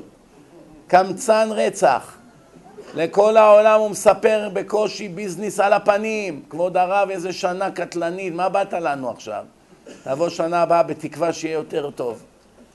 יום אחד אני מקבל טלפון מאיזה אישה אחת, מה זה צדיקה? פשוט מדהים איזה אהבת השם יש לאישה הזאת. כל היום תפילות, תהילים, צניעות, משהו מדהים, ומלאה בייסורים. איזה צרות יש לה. בת חולה, בן חולה, זה, מה זה, ומש, אני אומר לכם, האישה הזאת סובלת מאוד מאוד. מאוד מאוד. יום אחד היא מטלפנת לי, כולה רועדת ובוכה. בהודעה באנגלית. אני צריכה עשרים מזוזות. נבהלתי. והיא צריכה להחליף את המזוזות, כנראה קרה משהו, והיא גם בוכה בטלפון. אמרתי, דבר ראשון שבא לי בראש, כנראה גילו אצלה את המחלה. אני אומר לה, מה קרה, אין לך מזוזות? לא בשבילי, בשביל אחי. אמרתי, אז כנראה גילו אצלו את המחלה. אמרתי לה, מה, הוא חולה? לא, הרבה יותר גרוע. היה יכול להיות דבר יותר גרוע. אחד שקיבל את המחלה, מסכן, צריך להילחם על חייו. מה כבר יכול להיות יותר גרוע? אמרתי לה, מה קרה? אומרת לי, נכנסו היום שלטונות ארצות הברית למשרד שלו, גם מס הכנסה וגם FBI, הלבנת כספים, העלמת הון, כל הסעיפים הבומבסטיים האלה, שם זה לא ישראל. פה נותנים לך שנה מאסר, משחק קצת ששבש במעשיהו, לומד קצת באגף התורני, לא סוף העולם. הרבה נכנסו לכלא, בורים ועמי ארצות, יצאו רבנים. הייתי שם, אני יודע מה אני מדבר. אגף תורני. ראיתי שם לפחות איזה שמונים, כמה היה שם? שמונים? לפחות שמונים, לא? שמונים, כמעט כולם חרדים. בכלא חזרו בתשובה, כמעט כולם. חלק נכנסו דתיים, אבל הרוב שם נהיו. זה לא סוף העולם, הכלא בישראל. ממש לא. למרות שפה מי שהלך לכלא חושב שזה סוף העולם, הוא עוד לא יודע מה זה כלא. יום אחד תהיה בכלא באמריקה, אז תבין איזה קייטנה זה פה. ביחס לשם, ביחס לווילה שלך בסביון זה גיהנום. ביחס לכלא של אמריקה זה קייטנה. או לכלא בהודו, או תאילנד, אין שם אנשים שם, זה חיות אדם שם. דוחפים אותך כמו סרדין, חמישים בחדר, חולדות כאלה, חום אימים, לחות של 200 אחוז. אי אפשר לנשום, בקושי יש אוכל. תנסו רק לדמיין, רק זה, רק זה לבד זה עדיף למות מאשר להיות שם יום אחד. בקיצור, היא רוצה מזוזות לאחיה והיא כולה בוכה בטלפון. אני אומר לה, מחלה? לא, יותר גרוע. נכנסו כל אלה עם הבאצ'ים, ככה עם ה... איך אומרים את זה בעברית? תגים, תגים, נכנסו ככה, שים את הידיים שלך מאחורי הגב, שמים לו ליד כל העובדים, הוא בן אדם מכובד, שמים לו ליד כל העובדים, כל המזכירות, אזיקים על הידיים. פתאום היא נתנה צעקה, הקפיאה לי את הדם. כבוד הרב, הקפיאו לו 50 מיליון דולר שהיה לו בחשבון. אה, רגע, לפני זה אני אמרתי לה, מה, לא היה לו מזוזות? לא! אף פעם הוא לא הסכים לשים מזוזות! פתאום היא נתנה את הצעקה הזאת. הקפיאו לו 50 מיליון דולר שהיה בחשבון. בנק ישראלי, שעושה עסקים בניו יורק, הם הלשינו עליו. הם הלשינו. הם קראו לשלטונות, יש לו הרבה כסף פה בחשבון, פעולות גדולות, בואו תבדקו. ועלו עליו. היא אמרה, הקפיאו לו 50 מיליון בחשבון, אני לא ידעתי שאח שלי כזה עשיר. כל פעם שבאתי אליו יש אנשים מתים ברעב, אין להם כסף לחג, זה מסכנה, זו אלמנה, רוצים לסגור את הישיבה, כל השנים, כל פעם היה עונה לי. ביזניס על הפנים, בקושי אני משלם את החשבונות, אין מה לאכול, תפסיקי כבר את עם התרומות. עד שהשם בא ולקח הכל. כל פעם שתגיד את השקרים האלה, זה בסוף יהפך למציאות. ככה כתוב. יש איזה אחד, היה מגיע לניו ג'רזי, מקום של עשירים, זה נקרא אנגלווד, עם מכתב שהוא בא לאסוף כסף, הוא צריך כסף לעשות ניתוח לתינוקת שנולדה לו. למה תינוקת צריכה ניתוח? היא נולדה חירשת. צריכים לעשות משהו בניתוח, לרפות לה את האוזניים. כמה צריך? 150 אלף דולר. אז הוא בא למקום שם של העשירים עם המכתב, כל אחד נותן לו מאות, זה, צ'קים. ככה הוא כל פעם בא. בסוף התברר שהנוכל הזה בכלל לא נשוי. וכמובן אין לו ילדים. ואין ילדה חירשת, סתם רמאות הכל. אמר לי החבר שלי, אתה רוצה לשמוע סיפור? היה פה איזה אחד שמגיע כל כמה זמן, אוספים, נותנים לו, אני בעצמי נתתי לו כמה צ'קים. היה אומר לי, יש לי ילדה חירשת, אני חייב לאסוף 150 אלף דולר ולטפל בה ומכשירים וזה. אני יכול לא לתת? ההוא נתן, זה נתן, זה, הוא מספר לי על כל האלה שנפלו בפח. אומר לי, אבל היום תשמע סיפור. היום נודע לי שנולדה לו תינוקת. הוא התחתן ונולדה לו תינוקת והיא נולדה חירשת. מה הם הסיכויים שזה יקרה במקרה? צריך להיות סופר טיפש כדי לחשוב שזה מקרה. סופר טיפש. אומרת הגמרא, מי שזקוק לצדקה, סליחה, מי שאינו זקוק לצדקה וגובה צדקה מן הציבור, מובטח שלא יצא מן העולם עד שיזדקק לצדקה. חייב למות עני. לא יעזור, הבאת את זה על עצמך. ומי שצריך צדקה, אני מסכן, בקושי חי, הוא באמת צריך לגבות, והוא מתגבר וחי בדוחק ולא מבקש צדקות, מובטח שלא יצא מן העולם עד שיהיה בעל צדקות, שהוא ייתן לאנשים הרבה צדקה, אני הוא יהיה עשיר גדול. אם רק הציבור פה היה יודע קצת מה כתוב בגמרא, בתורה, בזוהר, המצב שלהם היה הרבה יותר טוב. כמה אנשים פה סובלים מהבורות. בורות זה האויב הכי גדול של האדם בחיים, הכי גדול.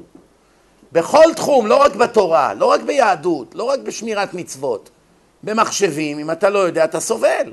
אתה עובד פי מאה יותר. אני זוכר שקיבלתי את המחשב הראשון, התחלתי לכתוב אימייל, שולח, עוד פעם תקתק, אימייל, שולח, עוד פעם תקתק, שולח, מזל, השם ריחם עליי, שלח לי איזה בחור אחד אייל, היה מומחה למחשבים, נכנס בזמן הנכון, הכל בחיים זה עיתוי. מה אתה עושה? וואלה, הביאו לי מחשב, איך אומרים, טעמו כי טוב האימייל, ראיתי שאני יכול כבר לשלוח דברים, חומר לאנשים, ופתאום מה? ואני שולח, יש לי כבר כמה אנשים, אני שולח להם דברי תורה וחיזוקים. הוא אומר לי, מה, אתה רציני? מה, אתה עכשיו כל פעם תתקתק מחדש? אז מה, איך עושים? אתה מסמן את כולם במכה, והופ, כולם מקבלים. אלפים יכולים לקבל, במכה. אמרתי, עכשיו תאר לך שלא היית בא. מי יודע כמה שנים הייתי כמו טמבל, מדפיס מהבוקר עד הלילה, ארבע אימיילים שולח. שלחתי כבר מעל מיליון אימיילים עד היום. תאר לך שהייתי צריך לשלוח אותם אחד-אחד. תראו מה זה בורות. בדבר אחד קטן. דבר אחד קטן. בורות. ברפואה, באכילה, יש הרבה סוגי בורות. ומהי הבורות הכי הכי הכי קריטית ומסוכנת לאדם? שהנשמה שלו תושמד לנצח נצחים על ידי שהוא לא ילמד מה צריכים לעשות פה בעולם. יום אחד הוא יקבל פצצת אטום לפנים. הוא ישתגע. שומעים? הוא ישתגע. מה? כל זה אני צריך לשלם? מה חשבת? מה, אתה שונה מאחרים? סבא שלי היה רב בתימן. סבא שלך יושב ליד הבבא סאלי, אל תדאג. טוב, נו, אז לא תשלחו אותי לידו? גדלתי על ברכיו. נחמיר לך את העונש שבעתיים. ישבת על ברכי המורי שלך, הסבא שלך, שהוא בא פה לארץ, כל היום למד גמרא, תורה, חי בענווה, בפשטות, בלי כל השטויות של העולם הזה. גדלת אצלו ונהיית כזה פלגמט ואתה עוד רוצה להיות לידו? פי שתיים ניתן לך עונש. מילא אם היית אומר סבא שלי היה רשע, אז מבינים למה יצאת ככה. זה מזה התחיל. אבל סבא שלך היה צדיק, איך אחד אמר לי? זה שייצג, או זאת, לא יודע אם לקרוא לו זה או זאת, אתם כבר תבינו על מי אני מדבר, שייצג אותנו באירוויזיון. סבא שלו היה מורי בתימן. תחשבו על הבושה הנוראית שיש לו עם כל הצדיקים בגן עדן, שמראים לו מה יצא ממנו. מסכנים הסבות שלנו. איזה בושות אנחנו עושים להם. כולנו, בלי יוצא מן הכלל. אתם יודעים, כל פעם שעשיתי שיעור לעילוי נשמת מישהו שנפטר, והביאו את כל החברים שלו והציבור, אתמול הלכנו לדבר בנתניה, היה קרוב לאלף איש שם, למעלה מאות אנשים, למטה, נשארו מלא בחוץ. זה היה לעילוי נשמת בחור בשם אור, אורי, בן 18, נהרג מתאונת טרקטורון לפני שלושה חודשים. אם שמעתם על זה בחדשות. ילד צדיק בן 18, הלך לגן עדן, זהו. אומרים, עושים ערב לזכרו של אור, כל אלה שלא היו מגיעים בחיים לשיעור תורה, מה אומרים? כבד אותו. כבד אותו, שכן, דוד, בן דוד, חבר, בכיתה, מורה. מורה אתאיסט. מגיע. ואני שואל שאלה שאני לא מצליח להבין אותה. לעשות משהו לעילוי נשמת ידיד או חבר או קרוב משפחה שנפטר, אתה מוכן להשקיע שעות. אבל לעשות משהו, להעלות קצת את הנשמה המסכנה שלך, דקה אתה לא מוכן להשקיע, כל החיים. אוי לבושה ואוי לטיפשות. עם כל הכבוד לנפטרים שאהבנו אותם מאוד. הם יותר חשובים מהנשמה שלנו עצמנו? אם אין אני לי מי לי. חייך קודמים, התורה אומרת. וחי אחיך עמך. קודם כל אתה, אחרי זה הוא. איך אומרים לך במטוס? אם ישלפו המסכות, קודם כל תדאג לשים על שלך, אחרי זה תטפל באחרים. ככה אומרים. למה? ככה התורה אומרת. קודם כל תציל את עצמך, עכשיו אם אפשר להציל גם את האחרים יחד איתך, בבקשה. אסור לך להציל אחר ולמות. אלא אם כן הוא תלמיד חכם. בשביל תלמיד חכם מותר למות. אתה יודע שיש את הרב של העיר, או איזה אחד שמחזיר אנשים בתשובה והוא תועלת לעם ישראל, והלכת איתו במדבר ויש מספיק מים רק לאחד מכם, והמים הם שלך, לא שלו. אם זה היה בן אדם רגיל, אסור לך לתת לו את המים. אתה צריך לשתות, אתה תנצל והוא ימות, אין מה לעשות. אבל אם הוא אדם שמועיל בגדול לעם ישראל, מלמד תורה, כותב ספרים, דיין בבית דין, מנהיג, מותר לך להקריב את חייך למען הכלל. אבל אם זה סתם שני אנשים, מה פתאום? גם אם אתה בן שמונים והוא בן עשרים, אתה אומר לו, קח אתה את המים. אני כבר חייתי שמונים שנה, לא נורא. ממילא אני אמות עוד כמה שנים. אבל אתה כל חייך לפניך. נכון, בהיגיון, התורה הייתה צריכה להגיד, אם הוא באמת צעיר השני, תן לשני. מי שיותר צעיר, שייקח את המים, לא? לא ככה כתוב. אני אתן לכם עוד, עוד דוגמה ואני גם אקשה לכם קושייה, בואו תקשיבו טוב. אדם שרצח בן אדם בן 120 שנה. 120 שנה מלאים, היום. היום מלאו לו 120 שנה עגולות, מלאות. זאת אומרת, כל שנייה הוא כבר אמור, איך אומרים? בדיל ויעבור. והרופאים אומרים, אנחנו כבר לפי דופק הלב וזה, לא נשאר לו יותר מיום. בואו תיפרדו ממנו. אז עכשיו אתה בא לבית חולים ואתה שומע אותו, אך, כואב לי, כואב, כואב, איזה כאבים. הסתכלת ככה, ניתקת לו את המכשיר, טו, טו, טו, טו, טו, חיברת חזרה, נפטר. איך דנים אותך בשמיים? רצח גמור. אם היה סנהדרין היום, ושני עדים ראו אותך עושה את זה, מוציאים אותך להורג. אם עשית את אותו דבר לבחור בן עשרים, גם רצחת אותו. נגיד שאתה אויב שלו, הוא היה בבית חולים על איזה פציעה קלה, חיברו לו קצת חמצן, משהו, לא יודע מה, באת, שמת בזריקה, בצינורות, הכנסת רעל. גם הרגת אותו. איזה עונש? אותו עונש. איפה ההיגיון? בן אדם בן 120 זה כבר 99.9 אחוז מת במילא. זה כל חייו לפניו, עוד לא התחיל אפילו. אותו עונש? איך זה יכול להיות? מי יכול לענות לי למה? בסדר, אז, אז קיצרת לו ש... חמש שעות מהחיים. ולשני קיצרת שמונים שנה מהחיים. אותו עונש. הולכים לפי חזקות. חזקה, רוב האנשים חיים מעל גיל 70. אתה צודק, אז אם היה חי עד גיל 40, עדיין. אם היה חי עד גיל 30, עדיין. מה שלא יוכיח יותר מיום, זה ברור, כן? מה אתם אומרים?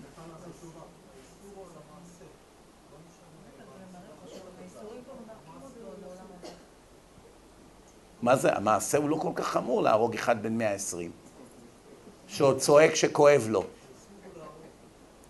האיסור הוא להרוג, זה, זה כולם מבינים. אבל אתה מסכים איתי שזה לא אותו גודל עבירה? לנתק אחד סובל בן 120 ללנתק בחור צעיר חזק בגיל 20? התורה אומרת אין, אין הבדל, שניהם עונש מוות לרוצח. התוצאה היא, הקדוש ברוך הוא קבע. את הבחירה שהוא עשה, על זה הוא... אבל אני, תשמע, אם אני הולך לגזול מאדם שאין לו מה לאכול, יש לו ממש קצת בשביל לחיות, אם לא הוא יכול למות ברעב. את הקצת שיש לו, אני, נגיד שאני עכשיו דונלד טראמפ, העשיר, בא לעני המסכן הזה, יש לו טיפה קצת מה לאכול, איזה פרוסת לחם וחתיכת גבינה קטנה, לקחתי לו את זה, נכון? אז כולם יגידו, זה חלאת המין האנושי. אין יותר בן אדם רע ממנו בעולם. תראה מה הוא עשה לעני. אבל אם זה היה הפוך, עני שאין לו מה לאכול, בא גונב מדונלד טראמפ שתי דולר אוכל, חתיכת לחם וגבינה. מישהו היה מדבר על זה בכלל? היו מגיעים לבית משפט, הוא היה נוזף בעורך דין, טיפש שכמוך. מה אתה מבזבז את כספי המיסים? מה אתה מביא לי עכשיו את המקרה הזה לבית משפט? לא חבל על הזמן? למה לא? כי ב- ב- מי- איזה ביטוח חיים יש לבן אדם שהוא יחיה עד 120 לצורך העניין שאתה אומר בגיל 20? חזקה, אמרתי, אין ביטוח, חזקה, שיחיה. יותר מיום. וגם מבחינת גיל 120, אולי הוא לא עשה את התשובה שלו ומחר הוא צריך לעשות את התשובה עוד שלו. הנר דולק, אפשר לתקן. אתה מתחיל להתקרב. אני עכשיו אגיד לכם את התשובה, תשמעו טוב. יש איזה בחור בישיבה, לא עלינו, קיבל את המחלה.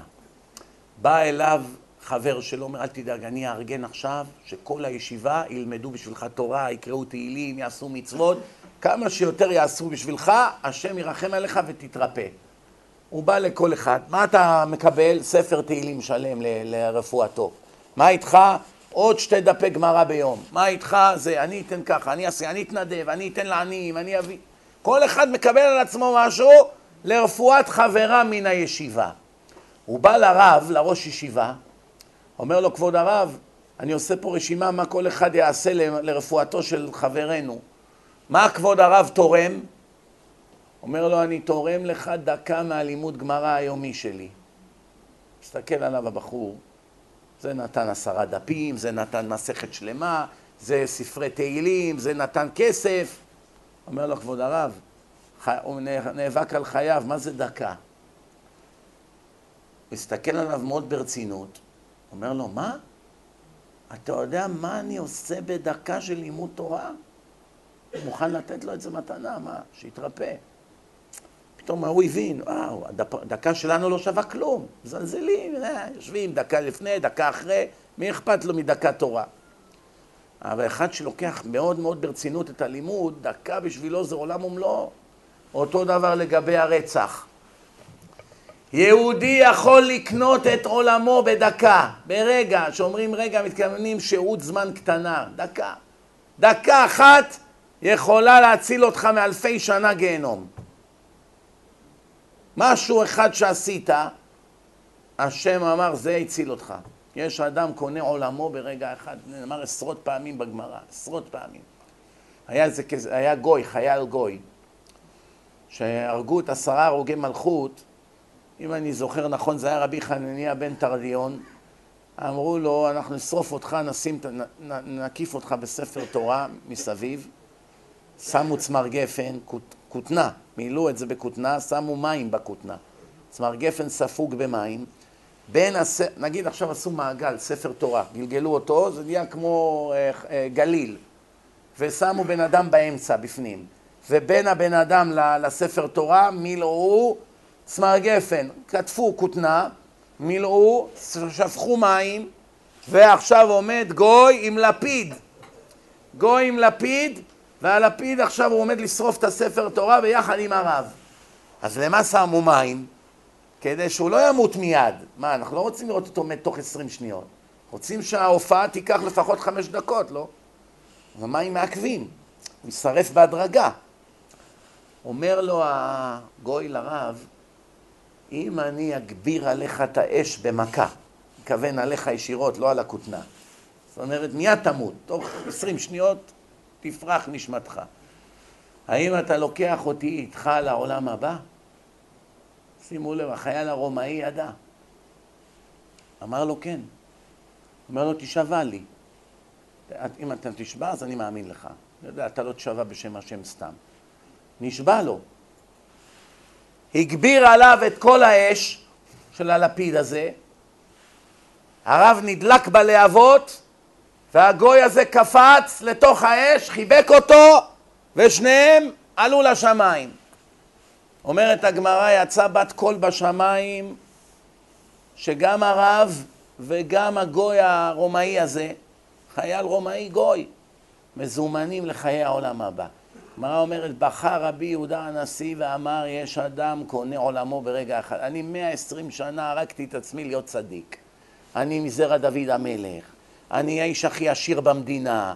אני כתבתי את המשנה. כל החיים שלי לימדתי תורה. הבית שלי מלא באוכל בשביל העניים, כל היום נכנסים ולוקחים על חשבוני בית תמחוי. לא יודע אם אני מגיע לגן עדן אקספרס, לא בטוח. מי, מי, מי מבטיח לי? מאיפה אני יודע? מה הדרישה של השם ממני? מרבי יהודה? אולי ליהודי אחר זה היה מספיק מה שאני עשיתי, אולי בשביל הפוטנציאל שלי זה לא מספיק. וזה, הגוי הזה, שתי שניות, קפץ לאש, מזומן לחיי העולם הבא. יש עוד מעשה כזה בגמרא, היה אחד, קראו לו קטיע בר שלום. קטיע. מלשון לקטוע. הוא היה גוי. גוי. קטיע הזה, יום אחד הקיסר אומר, אני רוצה לשאול אתכם, יועציי המכובדים, שאלה חשובה. מה? אדם שיש לו נמק ברגל, לא עלינו, נמק, אין זרימת דם, העור מתחיל להתקשות, ככה מתחיל לשנות צבע, כבר אין רגש. לאט לאט זה מתפשט עד שהבן אדם מת. צריך לקטוע את הרגל. אם תקטע את הרגל, תישאר בחיים בלי רגל. אם לא תקטע, כעבור כמה חודשים תמות. שואל אותם הקיסר, מה עדיף? לקטוע את הרגל ולהישאר עם רגל אחת ולחיות, או למשוך כמה שיותר עם שני רגליים עד שימות לגמרי. מה הבנתם מהשאלה? כמובן הם היו מדברים ברמזים. מי עכשיו שואל את האנשים על רגל, לא רגל? מה עכשיו אתה שואל? הוא התכוון ליהודים. כבשנו את כל העולם, אנחנו אימפריה הרומאית. כל העולם כבשנו, כולם נכנעו בפנינו, כולם משלמים לנו מיסים. גם את היהודים כבשנו. היהודים זה עצם בגרון, נמק ברגל. אם נשאיר אותם, הם יתפשטו לכל הגוף ויהרגו אותנו, כמו כל שאר האימפריות. כולם השאירו אותם, כולם נעלמו מן העולם, והם עוד פה. האם נכלה אותם ונגמור אחת לתמיד, ואז נחיה, אבל יהיה חסר לנו חלק בממלכה, עם אחד נעלם, יש לנו חיסרון, או נשאיר אותם עד שהם יקברו אותנו. זה מה, זו הייתה השאלה. כמובן כולם הבינו את השאלה, מה אמרו? לקטוע, לקטוע, לקטוע. זה קטיע בר שלום, אמר לו למלך, כבוד המלך, אם אתה תקטע את היהודים, תהרוג אותם, לנצח בהיסטוריה יזכרו אותך כמלך חלש. שמעם כזה קטן, בקושי אין להם צבא אפילו, כל הצבאות בעולם הבסת, כבשת, כולם תחת ידך, כולם משלמים לך מיסים. העם הקטן והחלש הזה, פחדת ממנו, נאלצת להרוג אותו? מה יגידו? איזה מין מלך אתה? זה ייזכר לנצח כחולשה. אמר לו המלך, יפה, אתה צודק יותר מכולם. אבל כיוון שביישת אותי, שימו לב איזה נבל היה המלך הזה. כיוון שביישת אותי, אי אפשר שאני אתן לך להמשיך לחיות. קחו אותו לבית החניקה. מה זה בית החניקה? מי יודע מה זה בית החניקה? היה איזה מקום, מכניסים לשם את הנידונים למוות, והיה שם חול, חול, והיו לוקחים עטי חפירה וזורקים את החול באוויר. ואז הוא מתפזר בחדר, לא רואים כלום. אתה נושם את החול לתוך הריאות, תוך שתי דקות אתה מת. ככה היו הורגים אנשים, ככה הרגו את גלילאו גלילי, הכנסייה הנוצרית. לפני 400 שנה בערך. ככה עשו לו. עכשיו הוא בדרך לשם, הייתה שם איזה פנסי שמנסי ליידי, בלשון הגמרא קוראים לזה מטרוניטה, אישה מכובדת, גויה. עומדת שם הגויה, אומרת, עכשיו היא לא יכולה לדבר, החיילים יהרגו גם אותה, צריכה לדבר ברמזים, אז היא התחילה לשיר. כמה חבל שיש אונייה מלאה בסחורה והיא מפליגה חודשים בלב ים עד שהיא מגיעה ליעדה, ליעד, ומתברר ששכחו להביא כסף לשלם את המכס על הסחורות.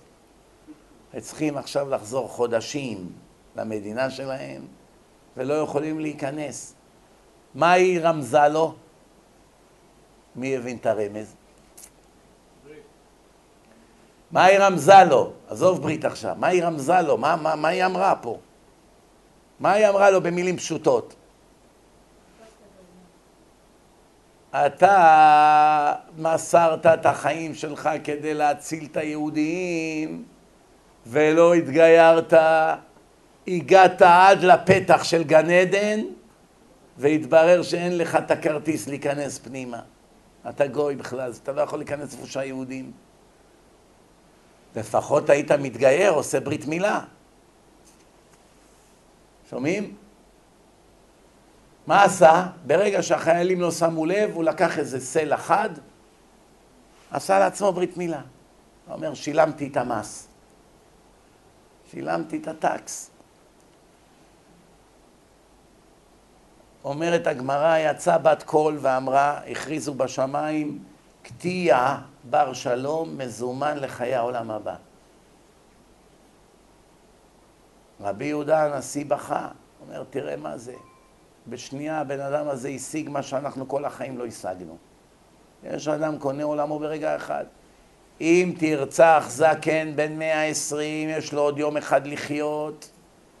ביום הזה, יום של יהודי, יום, יום, שעה של חיים של יהודי. אתה יודע, זה עולם ומלואו, זה נצח נצחים. כי הרי הנצח שלך ייקבע לפי כל שעה ושעה מה עשית. זה יכול להשפיע על הנצח שלך. לכן אין שום הבדל. מספיק שקיצרת ליהודי דקה מן החיים, מגיע לך כבר מוות. אם קיצרת לו שעה, קל וחומר. אם קיצרת לו יום, קל וחומר. אם קיצרת לו שנה, קל וחומר. אם קיצרת לו חמישים שנה, קל וחומר, ודאי. אבל על דקה בלבד כבר מגיע לך עונש מוות. אז תארו לכם מה זה כל החיים. דקה של יהודי. לקחת לו דקה, לוקחים לך את כל החיים. לא מגיע לך לחיות. מה, נהיית בורא עולם? נהיית בורא עולם? הגמרא אומרת, רבי עקיבא, לא היה לו כסף לשלם לתלמידי ישיבה. נקלע לקשיים כלכליים. אז מה קרה? הוא הלך לאיזה מטרונית הגויה להלוות ממנה כסף, ללוות ממנה. הוא בא אליה, אומר לה, אני צריך ככה וכך כסף לשלושה חודשים. אומרת לו, מי ערב שתשלם? תביא ערב. אמר לה הקדוש ברוך הוא ערב. אם היום תגיד לבעלת בנק הפועלים, תני לי הלוואה לבית, מי הערב? הקדוש ברוך הוא. מה, אתה דתי? אל תבוא לקבל הלוואה. עשה לי טובה. אה, תיתן לך, תגיד לקדוש ברוך הוא, ודאי לא תקבל הלוואה. מילא תגיד דוד שלי, אח שלי, אבא שלי, לא יודע מה, עוד יש על מה לדבר. תגיד לה, הקדוש ברוך הוא, היא תצחק עליך. תגיד לה, מה, את מזלזלת שהקדוש ברוך הוא ערב? אם הקדוש ברוך הוא ערב, למה הוא לא נותן לך מלכתחילה את הכסף? למה אתה צריך אותי? יש לה טענה, לא? מעניין שהגויה הזאת לא הייתה כזו ממולחת וספקנית. היא אמרה לרבי עקיבא, בסדר, בוא קח את הכסף. בא רבי עקיבא, נתנה לו הלוואה, כעבור זמן שהגיע מועד הפירעון, רבי עקיבא נפל למשכב. חולה. לא יכול לזוז.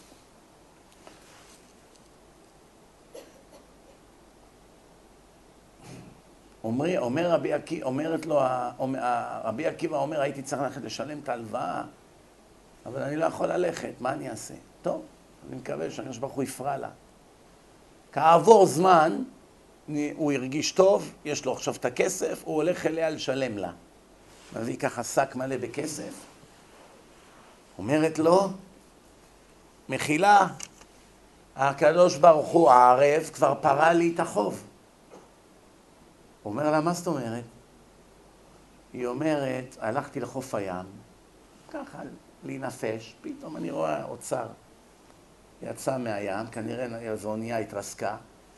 פתחתי מלא מרגליות, אבנים טובות. השם שילם לי. תראו איזה גויה צדיקה. אם זה היה קורה היום, מה, היו, מה הייתה אומרת האישה? איפה היית עד עכשיו? למה לא שילמת? ריבית, הצמדות, הוצאה לפועל. היה אומר לרב, רגע, אבל השם כבר שילם לך אוצר, השמועה ברחוב שמצאת אוצר, זה בזכותי. הייתה אומרת, בזכותך? מי אתה בכלל? בזכותי. מי אמר שזה בשבילך? תוכיח. אתה יכול להוכיח שזה בשבילך? אתה לא יכול להוכיח. אחד בעולם לא יודע אם היה מסכים לקבל את זה כערבון. אפילו יהודייה. אמרה לרבי עקיבא, השם שילם לי כבר. הרבה כסף זה לשלם לכל הבחורי ישיבה. השם שילם לי כבר.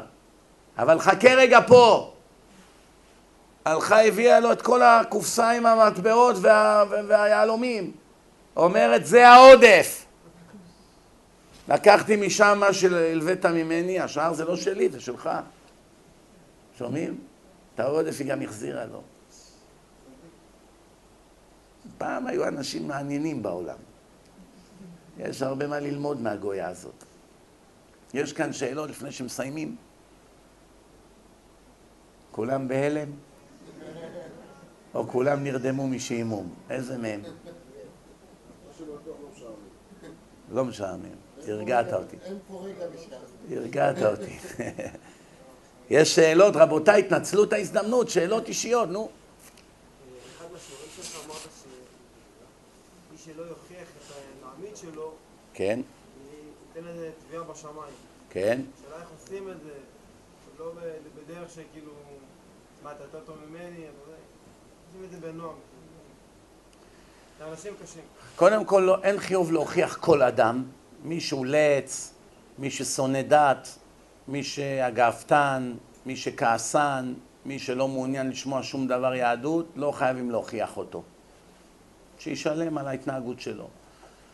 אבל אם זה מישהו שהוא כן אה, מכבד ושומע, ויש לך איתו שיחה אישית, חברים, שכנים, בעבודה, בני דודים, יש לך איתו גישה, אז הוא נכנס בגדר עמיתך. כתוב, הוכיח, תוכיח את עמיתך, לא כל יהודי, מי שעמיתך, מישהו שיש לך איתו יחסים, קשרים, שכנות, והוא, והוא אחד שמוכן לשמוע, או שהוא בא לבית כנסת, או שהוא מנשק מזוזה, זאת אומרת, יש אצלו פתח. אחד כזה צריך להוכיח אותו. איך מוכיחים? קודם כל תמיד מתחילים בהרבה מחמאות. איציק, וואלה, אני מה זה גאה בך, אחי. תשמעו שיחה עכשיו, בין איציק לאבי. אבי זה החילוני, איציק זה הבעל תשובה. אומר לו איציק לאבי, אבי, אני מה זה גאה בך? איזה התקדמות, מה התקדמות? תראה, אתה בא לשיעור, שמעת, היית בתפילה, שמעתי, כל הכבוד. אתה רואה מה? ממש אדם נחמד. כל הכבוד, אשתך זכתה, איזה בעל לתפארת אתה. סתם, נותן לו עכשיו מחמאות. בונה לו ככה את ההרגשה הטובה, איך אומרים, מעלה אותו להנחתה, ואז מכה בפטיש. אבל רגע, לפני שמכה בפטיש, גם צריך לדעת איך להכות בפטיש, שלא יישבר לו הראש. עכשיו אתה אומר לו, איך אומרים באנגלית? There's always a but. שבא סוכן מכירות, אתה, אתה אומר לו, כמה יעלה לי השירות? אין לך מה לדאוג, זה הכי זול במדינה, אין עמלה על זה, אין ריבית על זה, אין איחורים על... אין קנסות על איחורים, אתה עושה ככה והכסף עובר מהר וזה, פתאום בת. כבר הבן אדם הוא לא מקשיב בכלל, נו, מתי הוא יגיע כבר למכה? There's always a but. אז עכשיו, אחרי שנתת לו מחמאות וכולי, וההוא כבר מבסוט, אה, נהיה בעיניך כבר הבבא סאלי. בסוף אתה אומר לו, אבל רק יש מחילה, יש איזו טעות שאתה עושה, אני לא, לא יודע אם אתה יודע אפילו. אסור לבוא לבית הכנסת באוטו בשבת. מה, מה אתה מדבר? אני גר שעה הליכה. בחום הזה, כמו היום, היה פה 40 מעלות צלזיוס. איך אני אלך 40 דקות, שעה ב-40 מעלות? אני אתעלף בדרך, זה פיקוח נפש. אתה אומר, אתה לא צריך ללכת, שב בבית במזגן ותתפלל. אם יש בית כנסת בשכונה, בטווח של כמה דקות הליכה, שאתה כן יכול ללכת, לא משנה ספרדי, אשכנזי, תימני, חסידי, מה זה משנה? העיקר בית כנסת אורתודוקסי ששם שומרים שבת כמו שצריך. תלך לשם. ואם אין, תתפלל בבית עד שתעבור יום אחד ליד בית כנסת בטווח הליכה. וכל הזמן הזה עדיף שכל החיים שלך לא תדרוך בבית הכנסת פעם אחת, מאשר פעם אחת בחיים תניע את האוטו. פעם אחת בחיים תניע את האוטו. שומעים? אז ההוא מתחיל לשאול שאלות. מה, אתה רציני? הגזמת? מה? אני רוצה לבוא להתחזק, אני אוהב הרב נותן דרשה, זה נחמד. אל תדאג, תראה את הרב ביוטיוב. אתה לא צריך לבוא. או שתתארח אצל מישהו בקהילה פה. נתחיל ללמד אותו. או אסור ככה את התפילין, זה צריך להיות באמצע, לא פה, יש כאלה שמים תפילין על האף. כבוד הרב, כתוב בין עיניך. בין עיניך זה פה, חביבי, העין הזאת מתחילה פה. והעין הזאת מתחילה פה, מצטלבות. זה רק התריס, זה לא העין. העין האמיתית זה פה. זאת היא פה. תלך למראה היום שאתם מגיעים הביתה, תעמדו מול המראה. תסתכלו על עצמכם במראה, תחסמו את עין ימין ותסתכלו בזמן הזה במראה בעין שמאל איך האישון מתרחב, נהיה יותר גדול, גדל. אחר כך תחסמו את עין שמאל ותראו שעין ימין מתרחבת. למה השם עשה הצלבה בין העיניים? כמו בחשמל, סגרת מפסק אחד, יש יותר חשמל בשני עכשיו. ברגע שהאדם עכשיו העין שלו נגיד נסגרה או נפגעה או שמישהו נכנס לו איזה אגרוף בעין, מיד השנייה נכנסה לכוננות.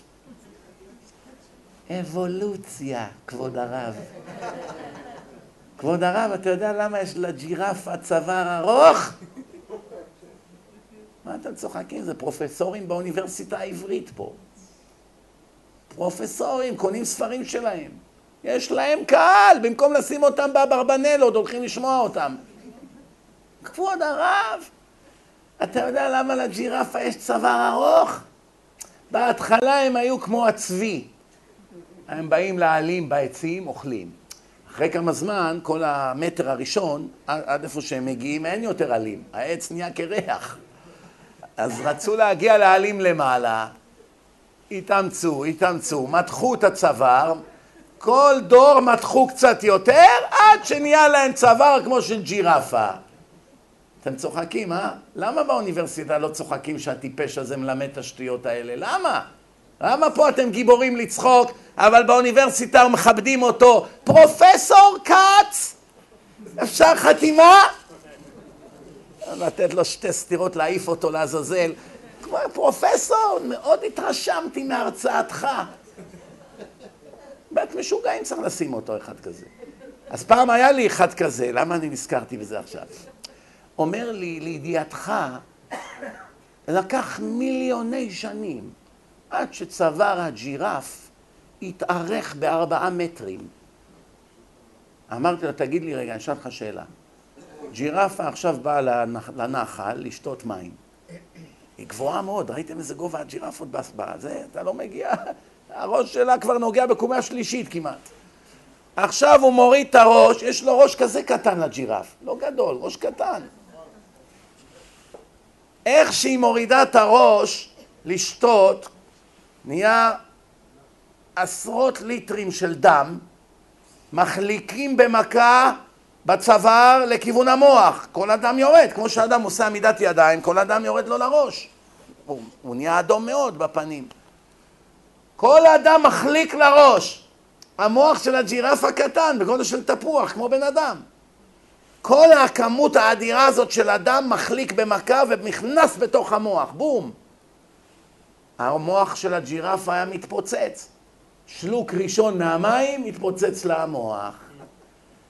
מה עשה הבורא של הג'ירפה? שם לה ולב, ש- שסתום. שסתום. שסתום כמו במשאיות, ראיתם במשאיות שיש למעלה כזה שמתהפך, שיוצא אוויר? ככה? איך שהיא מורידה את הראש, השסתום מתהפך. יורד אדם, השסתום עוצר אותו. מרימה את הראש, השסתום מתהפך. אם לא, אז תגיד, אמרתי, אדוני הפרופסור, במאה מיליון שנה שהצוואר התארך והתארך והתארך, מתי בדיוק השם דח... האבולוציה, כלומר הפיצוצים שהיו וכל אני יודע מה, מה שקרה, מתי בדיוק נוצר הפיצוץ שעשה את השסתום ומתי נוצר הפיצוץ שהכניס את השסתום לכל הג'ירפות בעולם באותה שנייה מסתכל עליך ככה אתה אומר לעצמך, אלה, אלה המנהיגים של העם. זה, זה ממש מצחיק, אבל זה עצוב. זה עצוב. אבולוציה. אז למה הצבי, שהוא גם כן אוכל אלים, הצוואר שלו נשאר כזה גמדי? גם הוא מיליוני שנה מנסה להגיע לאלים, לא פייר. מה, יש אחד, אה, האבולוציה האריכה לו את הגרון והשני נתנה לו מכה בראש, נהיה לו צוואר כזה קטן? הבנתם את השטויות שלהם? והם צוחקים על הדתיים. החזון איש נפגש פעם אחת עם ראש ממשלת ישראל בן גוריון. שמעתם על הפגישה המפורסמת הזאת? בא אליו בן גוריון בקשר לגייס את בחורי הישיבות. זה היה הנושא של השיחה. אמר לו, גם דיברו שם להכניס בנות לשירות לאומי, לגייס בנות. אמר לו החזון איש, תיקח את כל הבחורי ישיבות לצבא ואל תגייס בת אחת מישראל. ככה הוא אמר לו לבן גוריון. בן גוריון אמר לו, איך ידעת שאני לא אעשה כזה דבר? ככה הם התחילו לדבר, ובן גוריון מאוד התרשם מהחזוני, שהוא היה ענק שבענקים. ואז בן גוריון אמר לו, אנחנו פטורים מן הצבא. כל אדם יש לו תפקיד במדינה. אז הוא אמר לו, מה, למה אתם פטורים? אז הוא אמר לו, כתוב בגמרא, אדם שיש לו גמל מלא בסחורה, והאדם שיש לו גמל ללא סחורה, מי קודם במעבר? זה עם הסחורות. אנחנו זה הגמל עם הסחורה, אתם זה הגמל הריק. אז בן גוריון לא היה אהבל, הוא הבין עניין. הוא הבין שהחזון איש מלגלג עליו. מה כבר יש לכם אתם? איזה תרבות יש לכם? אז בן גוריון התחיל להגיד, יש לנו את צ'רניחובסקי, יש לנו את זה, יש לנו את זה. אמר איזה ארבע, חמש שמות, והחזון איש הסתכל עליו ואומר לו, אתה לא באמת משווה אותם לרמב"ם, לרמב"ן, לגאון מווילנה, כן? חמש מיליארד כמותם לא ישבו לציפורן של הגאון מווילנה. כל התורה הוא כתב ברוורס, 304,805 אותיות. צ'רניחובסקי אתה משווה אליו, או את ביאליק, את מי אתה משווה אליו? לא, אתה נורמלי בכלל. בקיצור, הוא הבין בסוף. וככה יצא החוק שמביא כל כך הרבה לשון הרע לדתיים שלא הולכים לצבא. עד היום, זה בן גוריון קבע אותו. אותו בן גוריון, שהיה ראש השמאל, מפא"י, מערך, שמאל, היה יותר ימני מכל הימנים שיושבים היום בכנסת. ראיתם את הרעיון שלו? אין לערבים קיום פה בכלל. כלום לא ניתן להם. הם לא שייכים פה. ועוד משהו, בעולם הדתי, בעולם הדתי, כולם מייחסים לבן גוריון שהוא היה אדם רשע. לא היה אוכל כשר, לא שומר שבת, לא, היה קומוניסט. אני ראיתי במו עיניי רעיון איתו, ששואל אותו הקריין, תגיד לי, האם אתה חושב שעצם קיומנו פה זה נס? זה מבורא עולם? או לא? התחיל בן גוריון לתת לו נאום, מינימום הרב עובדיה. בטח, כל דבר זה מאיתו. הכל זה מאלוקים. בטח שאנחנו פה בזכות אלוקים. בטח שהגענו לפה בזכות אלוקים. שבן גוריון דיבר באו"ם, בנאום המפורסם שאחרי זה הצביעו בעד מדינת ישראל, הוא החזיק ביד ספר. אתם יודעים איזה ספר? שייקספיר. לא, לא, סליחה, טעיתי. אבא גוריו. הקמצן של מולייר. אה, השפן קיבל נזלת. איזה ספר בן גוריון החזיק באו"ם? תנ"ך. אמר, אנחנו העם היחידי שיש לו תעודת בעלות על הארץ הזאת, מבורא עולם. רק יש לו מזל שהערבים בזמנו היו סתומים ולא היה להם שכל. היום הם כבר השתפרו, הם יודעים לדבר טוב טוב, הם מדברים ב-CNN, הם קוראים את הישראלים, באנגלית. שמעו רעיונות, אתה משתגע, איזה טיפשים שהולכים לדבר. מילה הם לא מבינים, כלום. הערבי הזה מפרפר אותו ככה, עושה לנו נזק בכל העולם. אתה אומר לעצמך, תראה את הפלסטיני, איזה כמה שקרים בדקה הוא אמר והישראלי לא מגיב בכלל. לא יודע מימינו או משמאלו. יש אחד, אלוף העולם, בוויכוחים עם הערבים. מי זה? פרופסור מרדכי קדר. השם ישמרהו ויחייהו. קורע אותם. פעם בריאיון הוא אומר לכתב אל-ג'זירה, מה אתה אומר לירושלים? ירושלים לא מוזכרת פעם אחת בכל הקוראן. והשדר התחיל לגחך, צוחק הערבי. פתאום הוא קלט, פתאום הוא קלט שבאמת זה אמת. הם אפילו לא יודעים מה כתוב בקוראן. אומר לו, היא כתובה 600-700 פעם בתנ"ך. פעם אחת היא לא מוזכרת בקוראן. לא רק זה, אתם הייתם שולחים את הערבים הטמאים, עונש לירושלים, לך תהיה עם היהוד. היית, אתם לא מתפללים מהפנים לירושלים, עם, עם הישבן לירושלים, אחורה. ירושלים אף פעם לא הייתה חשובה לכם, פתאום נהייתה חשובה? מה הסיבה? כי כתוב בנביא שלפני הסוף הקדוש ברוך הוא יעורר את הגויים על ירושלים. הם ירצו את ירושלים, שימו לב, כל הבלגן, שגרירות, זה, כל זה זה חלק מהנבואה. תקראו זכריה י"ד, תראו למה זה, כל זה קורה. אז בן גוריון דיבר ממש נאום דתי. הקיום שלנו פה, וגם על השבת בן גוריון אמר, השבת שמרה על עם ישראל, השבת זה יום המנוחה של עם ישראל, אסור לחלל שבת. ומאיר דיזינגוף, שמעתם עליו? יש רחוב בתל אביב על שמו, הוא היה ראש העיר של תל אביב. ראיתם את המכתב של מאיר דיזינגוף על קדושת השבת? אני מבקש מכל התושבים לא לחלל שבת. שבת זה יום המנוחה של עם ישראל. כולם לכבד את השבת. מה אומר ראש העיר של תל אביב היום? הבנתם? תל אביב זה עיר הבירה של מי? של שיא התועבה. נהפכנו לבדיחה בעיני העולם. אור לגויים. תחליפו את זה לחושך לגויים. חושך לגויים. נורא ואיום. שמעתי איזה גוי אחד אנטישמי מדבר. לצערי הרב, אני ששומע מישהו שמתקיף, אני לא מתייחס למי זה. אני מתייחס למה הוא אומר, אמת או שקר, זה כל מה שמעניין. זה לא משנה עכשיו, אני שונא אותו, אוהב אותו, תכלס עכשיו. טענה אמת או שקר, זה, זה מה שחשוב. הסידור האשכנזי מתחיל בבוקר במשפט. איך שאדם יהודי, לפני שבא לבית הכנסת, מה אומרים? מה טובו אוהליך יעקב, משכנותיך ישראל. מה זה, לפני שאתה נכנס לבית הכנסת, זה כאילו האוהל של השם, זה בית השם. אז בלעם אמר בנבואה שלו, מה טובו אוהליך יעקב, משכנותיך ישראל.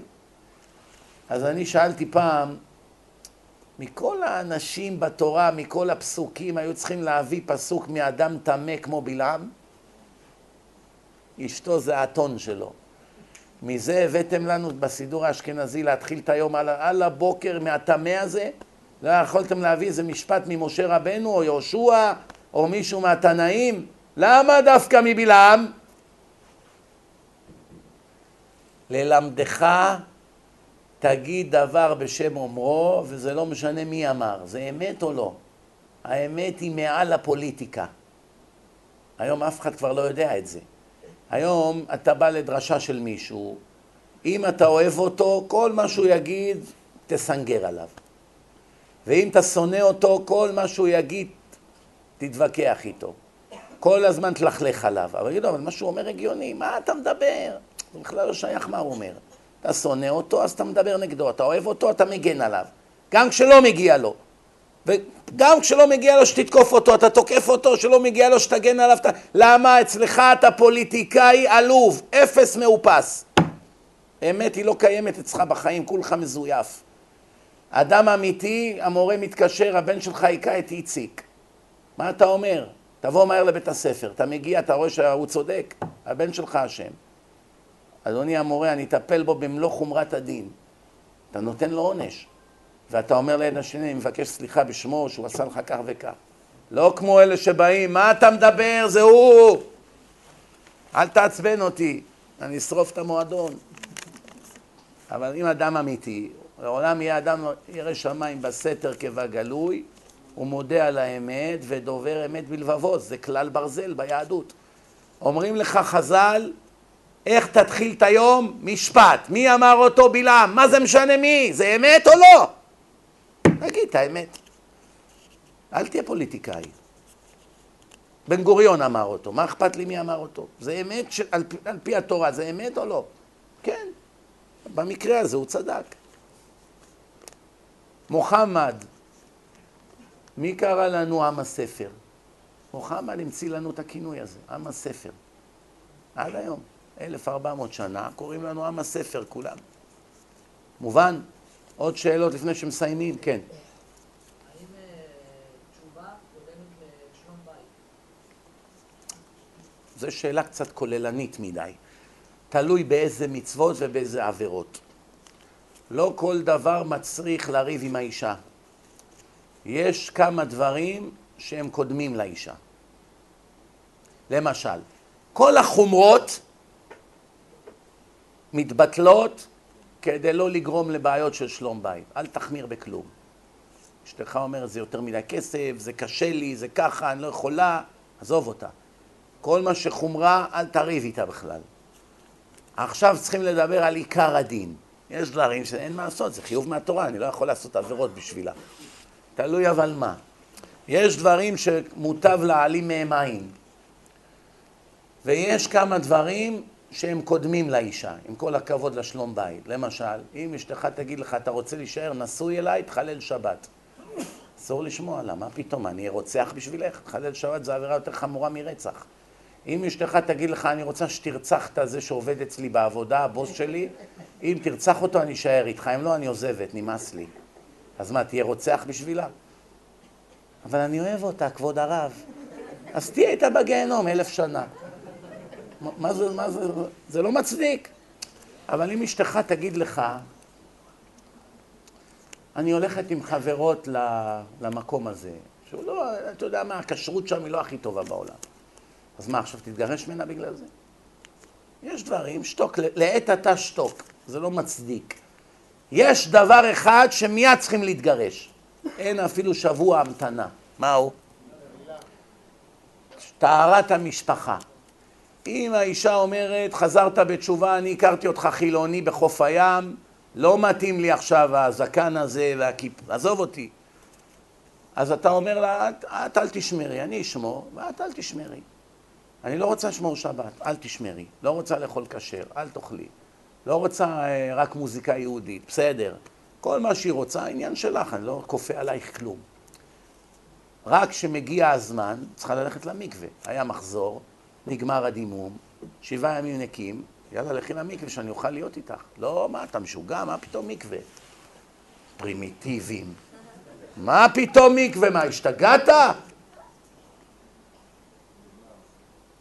אתה אומר לה, גברתי היקרה, אם את אוהבת אותי, ואם את רוצה להיות איתי, את חייבת ללכת למקווה. אם לא תלכי, אני לא יכול לגעת בך. אם אני לא יכול לגעת בך, אי אפשר להישאר נשואים. לא יכול לחיות פה בעינויים לידך ולא לגעת בך. אם היא מסרבת, מנסים חודש, חודשיים לשכנע אותה, היא לא מסכימה, חייבים להתגרש. אין שום היתר. אבל אם היא מסכימה מקווה, כל שאר הדברים לא מתגרשים ממנה. זאת אומרת, אין חיוב להתגרש. תלוי בך, בחירה שלך. אתה רוצה להישאר ולסבול? תישאר. אבל, למשל, אם אשתך תהיה מחללת שבת, אתה סובל מזה. אתה בא מבית הכנסת עם מדליקה, מכבה, מעשן, כל מיני דברים, מדבר בת... כל פעם זה שורף לך את הלב, אתה יודע שכל פעם שהיא עושה את זה זה יותר גרוע מרצח. עוד רצח, ועוד רצח, ועוד רצח, 500 פעם בשעה. קשה מאוד לראות כזה דבר, גם עם הבן שלך זה קשה, לא רק עם אשתך. מאוד קשה להחזיק מעמד.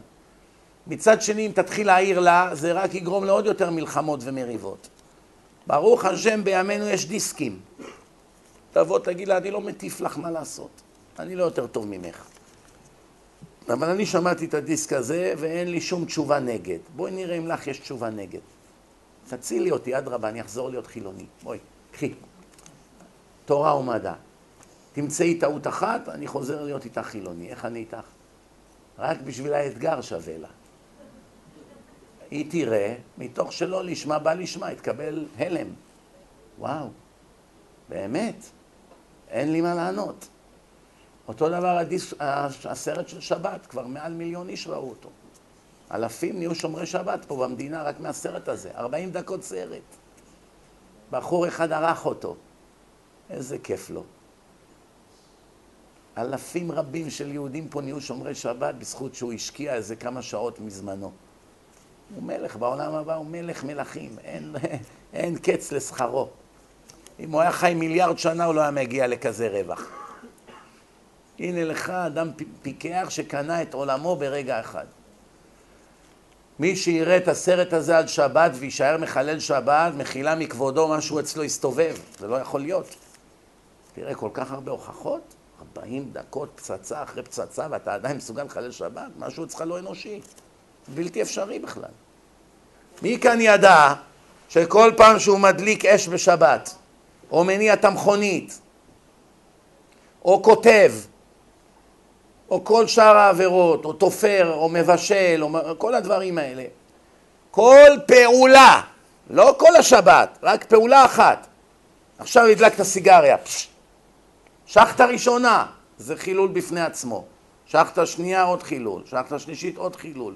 כל פעם אתה מבעיר עוד יותר אש. זאת אומרת, סיגריה אחת זה יכול להיות 30 חילולי שבת, 30 עונש מוות על סיגריה אחת.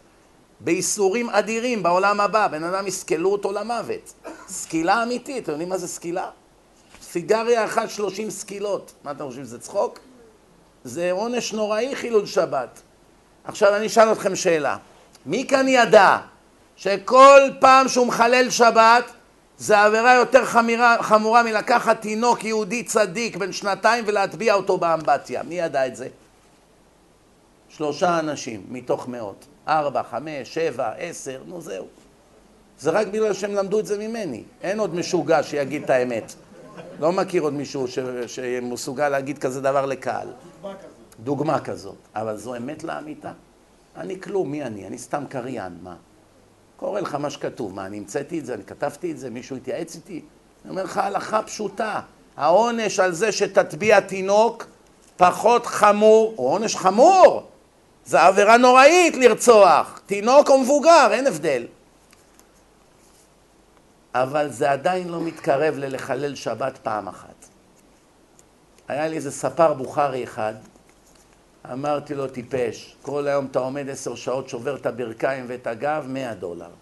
כל, כל פעולה עם המספריים שאתה חותך, חילול שבת, חילול שבת, שתיים, שלוש, ארבע, חמש, מדליק את המכונה, שש, שבע, אה, כל כך הרבה חילולי שבת של מאה דולר, אלפי חילולי שבת, כל אחד זה סקילה בפני עצמו, מאה דולר, בוא אליי, אני עשרים אלף דולר נותן לך על חילול אחד, לא צריך מאות. עשרים אלף דולר, מה? אני אתן לך רשימה של אנשים שצריכים לבער אותם מן העולם. אני אגיד לך איפה הם, בזמן שזה שקט, אני אביא לך אקדח, משתיק קול, אתה רק תלך ככה באמצע, בשעת חושך, בא מאחורה, צ'ק, ורץ, תרוץ, עשרים אלף דולר. הנה, תראה איזה רשימה, מיליונים תעשה. וכל פעם שתהרוג מישהו, עבירה אחת. עונש מוות אחד. אתה עכשיו בשבת אחת מקבל חמש מאות. בשביל מאה דולר. אצלי רק אחד תקבל ותקבל עשרים אלף דולר. איזה עסקה. אומר לי, מה, אתה צוחק עליי? מה, אני נראה לך רוצח? אם היית נראה לי רוצח, הייתי פה. אני יודע שאתה לא רוצח, אני רק רוצה להסביר לך שאתה עושה דברים יותר גרוע מרוצח. אתה לא ידעת. זה ככה כתוב בתורה. אתה, אתה חושב שחילול שבת זה צחוק? מה, אנשים... הייתה, בש... הנאצים היו עושים משפטים בשואה ליהודים, בכוונה בשבת, להתעלל בהם עוד יותר. השופט יהודי, השוטרים קאפו יהודים, כולם יהודים, זה שכותב את הפרוטוקול יהודי, והקהל גרמנים. יום אחד הביאו איזו אישה אחת, שואלים אותה, אומרים שאת זרקת לחם לאיזה יהודי במחנה, שזה עונש מוות. האם זו היית את? היא לא עונה. פעם ראשונה, שנייה, שלישית, שואל אותה השופט היהודי כמה פעמים, היא לא עונה. צועקים לה מהקהל, אמא, את לא היית שם בכלל, תעני. היא לא מדברת. בסוף הנאצי אומר לשופט היהודי, פעם אחרונה, אם היא לא עונה, עונש מוות. אז הוא, היהודי כבר מתחנן אליה בשאלה, גברתי, אם באמת לא היית שם, תעני, רק תעני לפחות, שנדע. האם זו את שזרקת לחם או לא? יושבת ככה, לא זזה. עונש מוות, בום. עוקצים אותה החוצה, הבן שלה יוצא החוצה, צועק, בוכה, אמא, אסור להתאבד. אסור, אסור לוותר על החיים. למה לא ענית? את לא היית שם בכלל. יש מלא עדים פה. היא אמרה לו, טיפש, אם הייתי עונה, יהודי היה מתחיל לכתוב בשבת. החיים שלו פחות משלי? אני אגרום לו לחלל שבת ואני אציל את עצמי? שתי דורות עבר סך הכל, תראו איך הידרדרנו. אנשים בחופשי כל היום כותבים, מתקתקים, מחשב, טלפון. כל כך הרבה עבירות, כל כך הרבה עונש מצטבר להם ליום הדין, וכמעט אף אחד לא פוצה פה. ועד שבא איזה אחד וקורא הלכות פשוטות, כמוני או כמו אחרים, שוחטים אותו פה. פנאט, קיצוני, משוגע. בטח, מה יגידו? צדיק, אמיתי, אומר את האמת. עם כל הכאב שבדבר, לא יגידו ככה. מה יגידו? ממציא, פנאט, משוגע, אתה מאמין לו? מה פתאום? מספיק שאתה יהודי, כולנו ניגאל, אין לך מה לדאוג. וכולם יודעים שהם משקרים. כי האמת בצד של מי? שלהם או שלי? שיביאו ראייה אחת שכולנו ניגאל. אני אביא 500 ראיות שאף אחד לא ייגאל, אלא אם כן הוא יהיה שומר שבת וצדיק. אני אביא 500 ראיות, שהם יביאו ראייה אחת שמי שחילוני ועושה עבירות בשיטה ומחלל שבת, אחד מהם שיגאל בימות משיח. שיביאו ראייה, בבקשה. אין כזו ראייה באף מקום. כל הפסוקים אומרים במפורש, ובא לציון גואל, למי הוא בא? לשווה פשע ביעקב. רק לאלה ששבו מפשעם. מי שנשאר בתוך הפשע, הוא יכול לחלום לראות פני משיח. הוא לא יראה משהו, הוא לא יקום בתחיית המתים, אין לו חלק לעולם הבא, זה פסוק מפורש בתורה. ונכרתה הנפש ההיא מישראל. אני, הקדוש ברוך הוא, כורת את היהודי הזה מעם ישראל לנצח נצחים, על חילול שבת. לפני שמסיימים, אני רק רוצה שתי הודעות להודיע. יש סמינר של ערכים, בעזרת השם, ביום חמישי הקרוב, נכון? ראיתי בפלייר שם, הנה כבוד הרב שם עומד בפינה, כל אחד ייקח ממנו את הפרטים, אתם יודעים, ערכים זה כבר איזה 30-40 שנה של זיכוי הרבים, יש שם מרצים קליברים רציניים אחד-אחד, זו הזדמנות טובה מאוד לרכוש ידע. הרבה דברים שלא ידעת ולא חלמת, אתה יכול ללמוד ביומיים האלה. נא לפנות לכבוד הרב. יש עוד הודעה אחרונה ונסיים.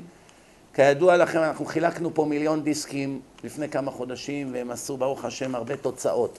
עומדים עכשיו לחלק עוד חצי מיליון דיסקים, מיד הם יגיעו אחרי שבועות. האונייה יוצאת לדרך עוד כמה ימים. נשאר עדיין בין 15 ל-20 אחוז חוב על הדיסקים. ברוך השם, אנשים תורמים ולאט לאט סוגרים את החוב. הגענו כבר לקרוב ל-85 אחוז מהחוב. כל מי שרוצה להרוויח נצח נצחים ושכר ענק ענק לנצח, כדאי לו מאוד להשקיע בדיסקים האלה. יש כאן יהודי צדיק שבא בהתנדבות עשרות פעמים עד היום להרבה מהדרשות שלי, יש לו דוכן בחוץ, יואל קוראים לו, תפגשו אותו ביציאה.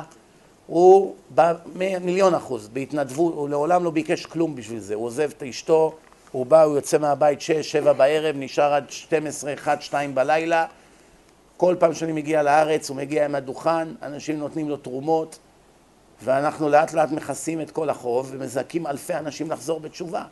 אם אתה לא חזרת בתשובה, לפחות אולי איזה יהודי פה יחזור בתשובה בזכות הכסף שלך, לפחות יהיה לך רחמים ביום הדין. שהשטן יבוא לקרוע אותך לגזרים, הסנגור יגיד מחילה רגע, נכון שהוא טיפש ולא, ולא שם, לא חזר בתשובה, אבל יש כאן עשרה ישראלים ששומרים מצוות ויושבים בישיבה בזכות הכסף שלו.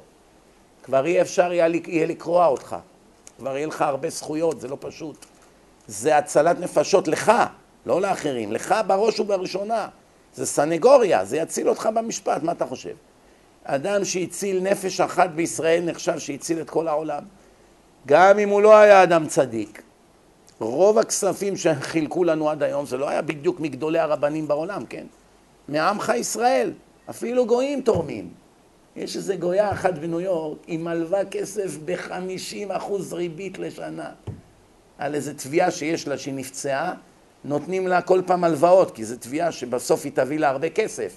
כל פעם שנגמר לה הכסף נותנים לה הלוואה, 50% ריבית היא משלמת. היא אומרת, שמעתי שחסר כסף לדיסקים בישראל, אני הולכת לקחת עכשיו הלוואה. אני אומר לה, לא, לא מרשה לך לקחת הלוואה. איך אפשר לתת לה שתיקח הלוואה תשלם 50 אחוז? היא אומרת לי, אתה סותר את עצמך. היא אומרת, היא אומרת, מצד אחד אתה אומר, צריך לפתוח בהשם, צריך לעשות את מה שאמת. מצד שני אתה אומר לי עכשיו לא לקחת הלוואה כדי לא להציל אנשים שילכו לעזאזל לנצח.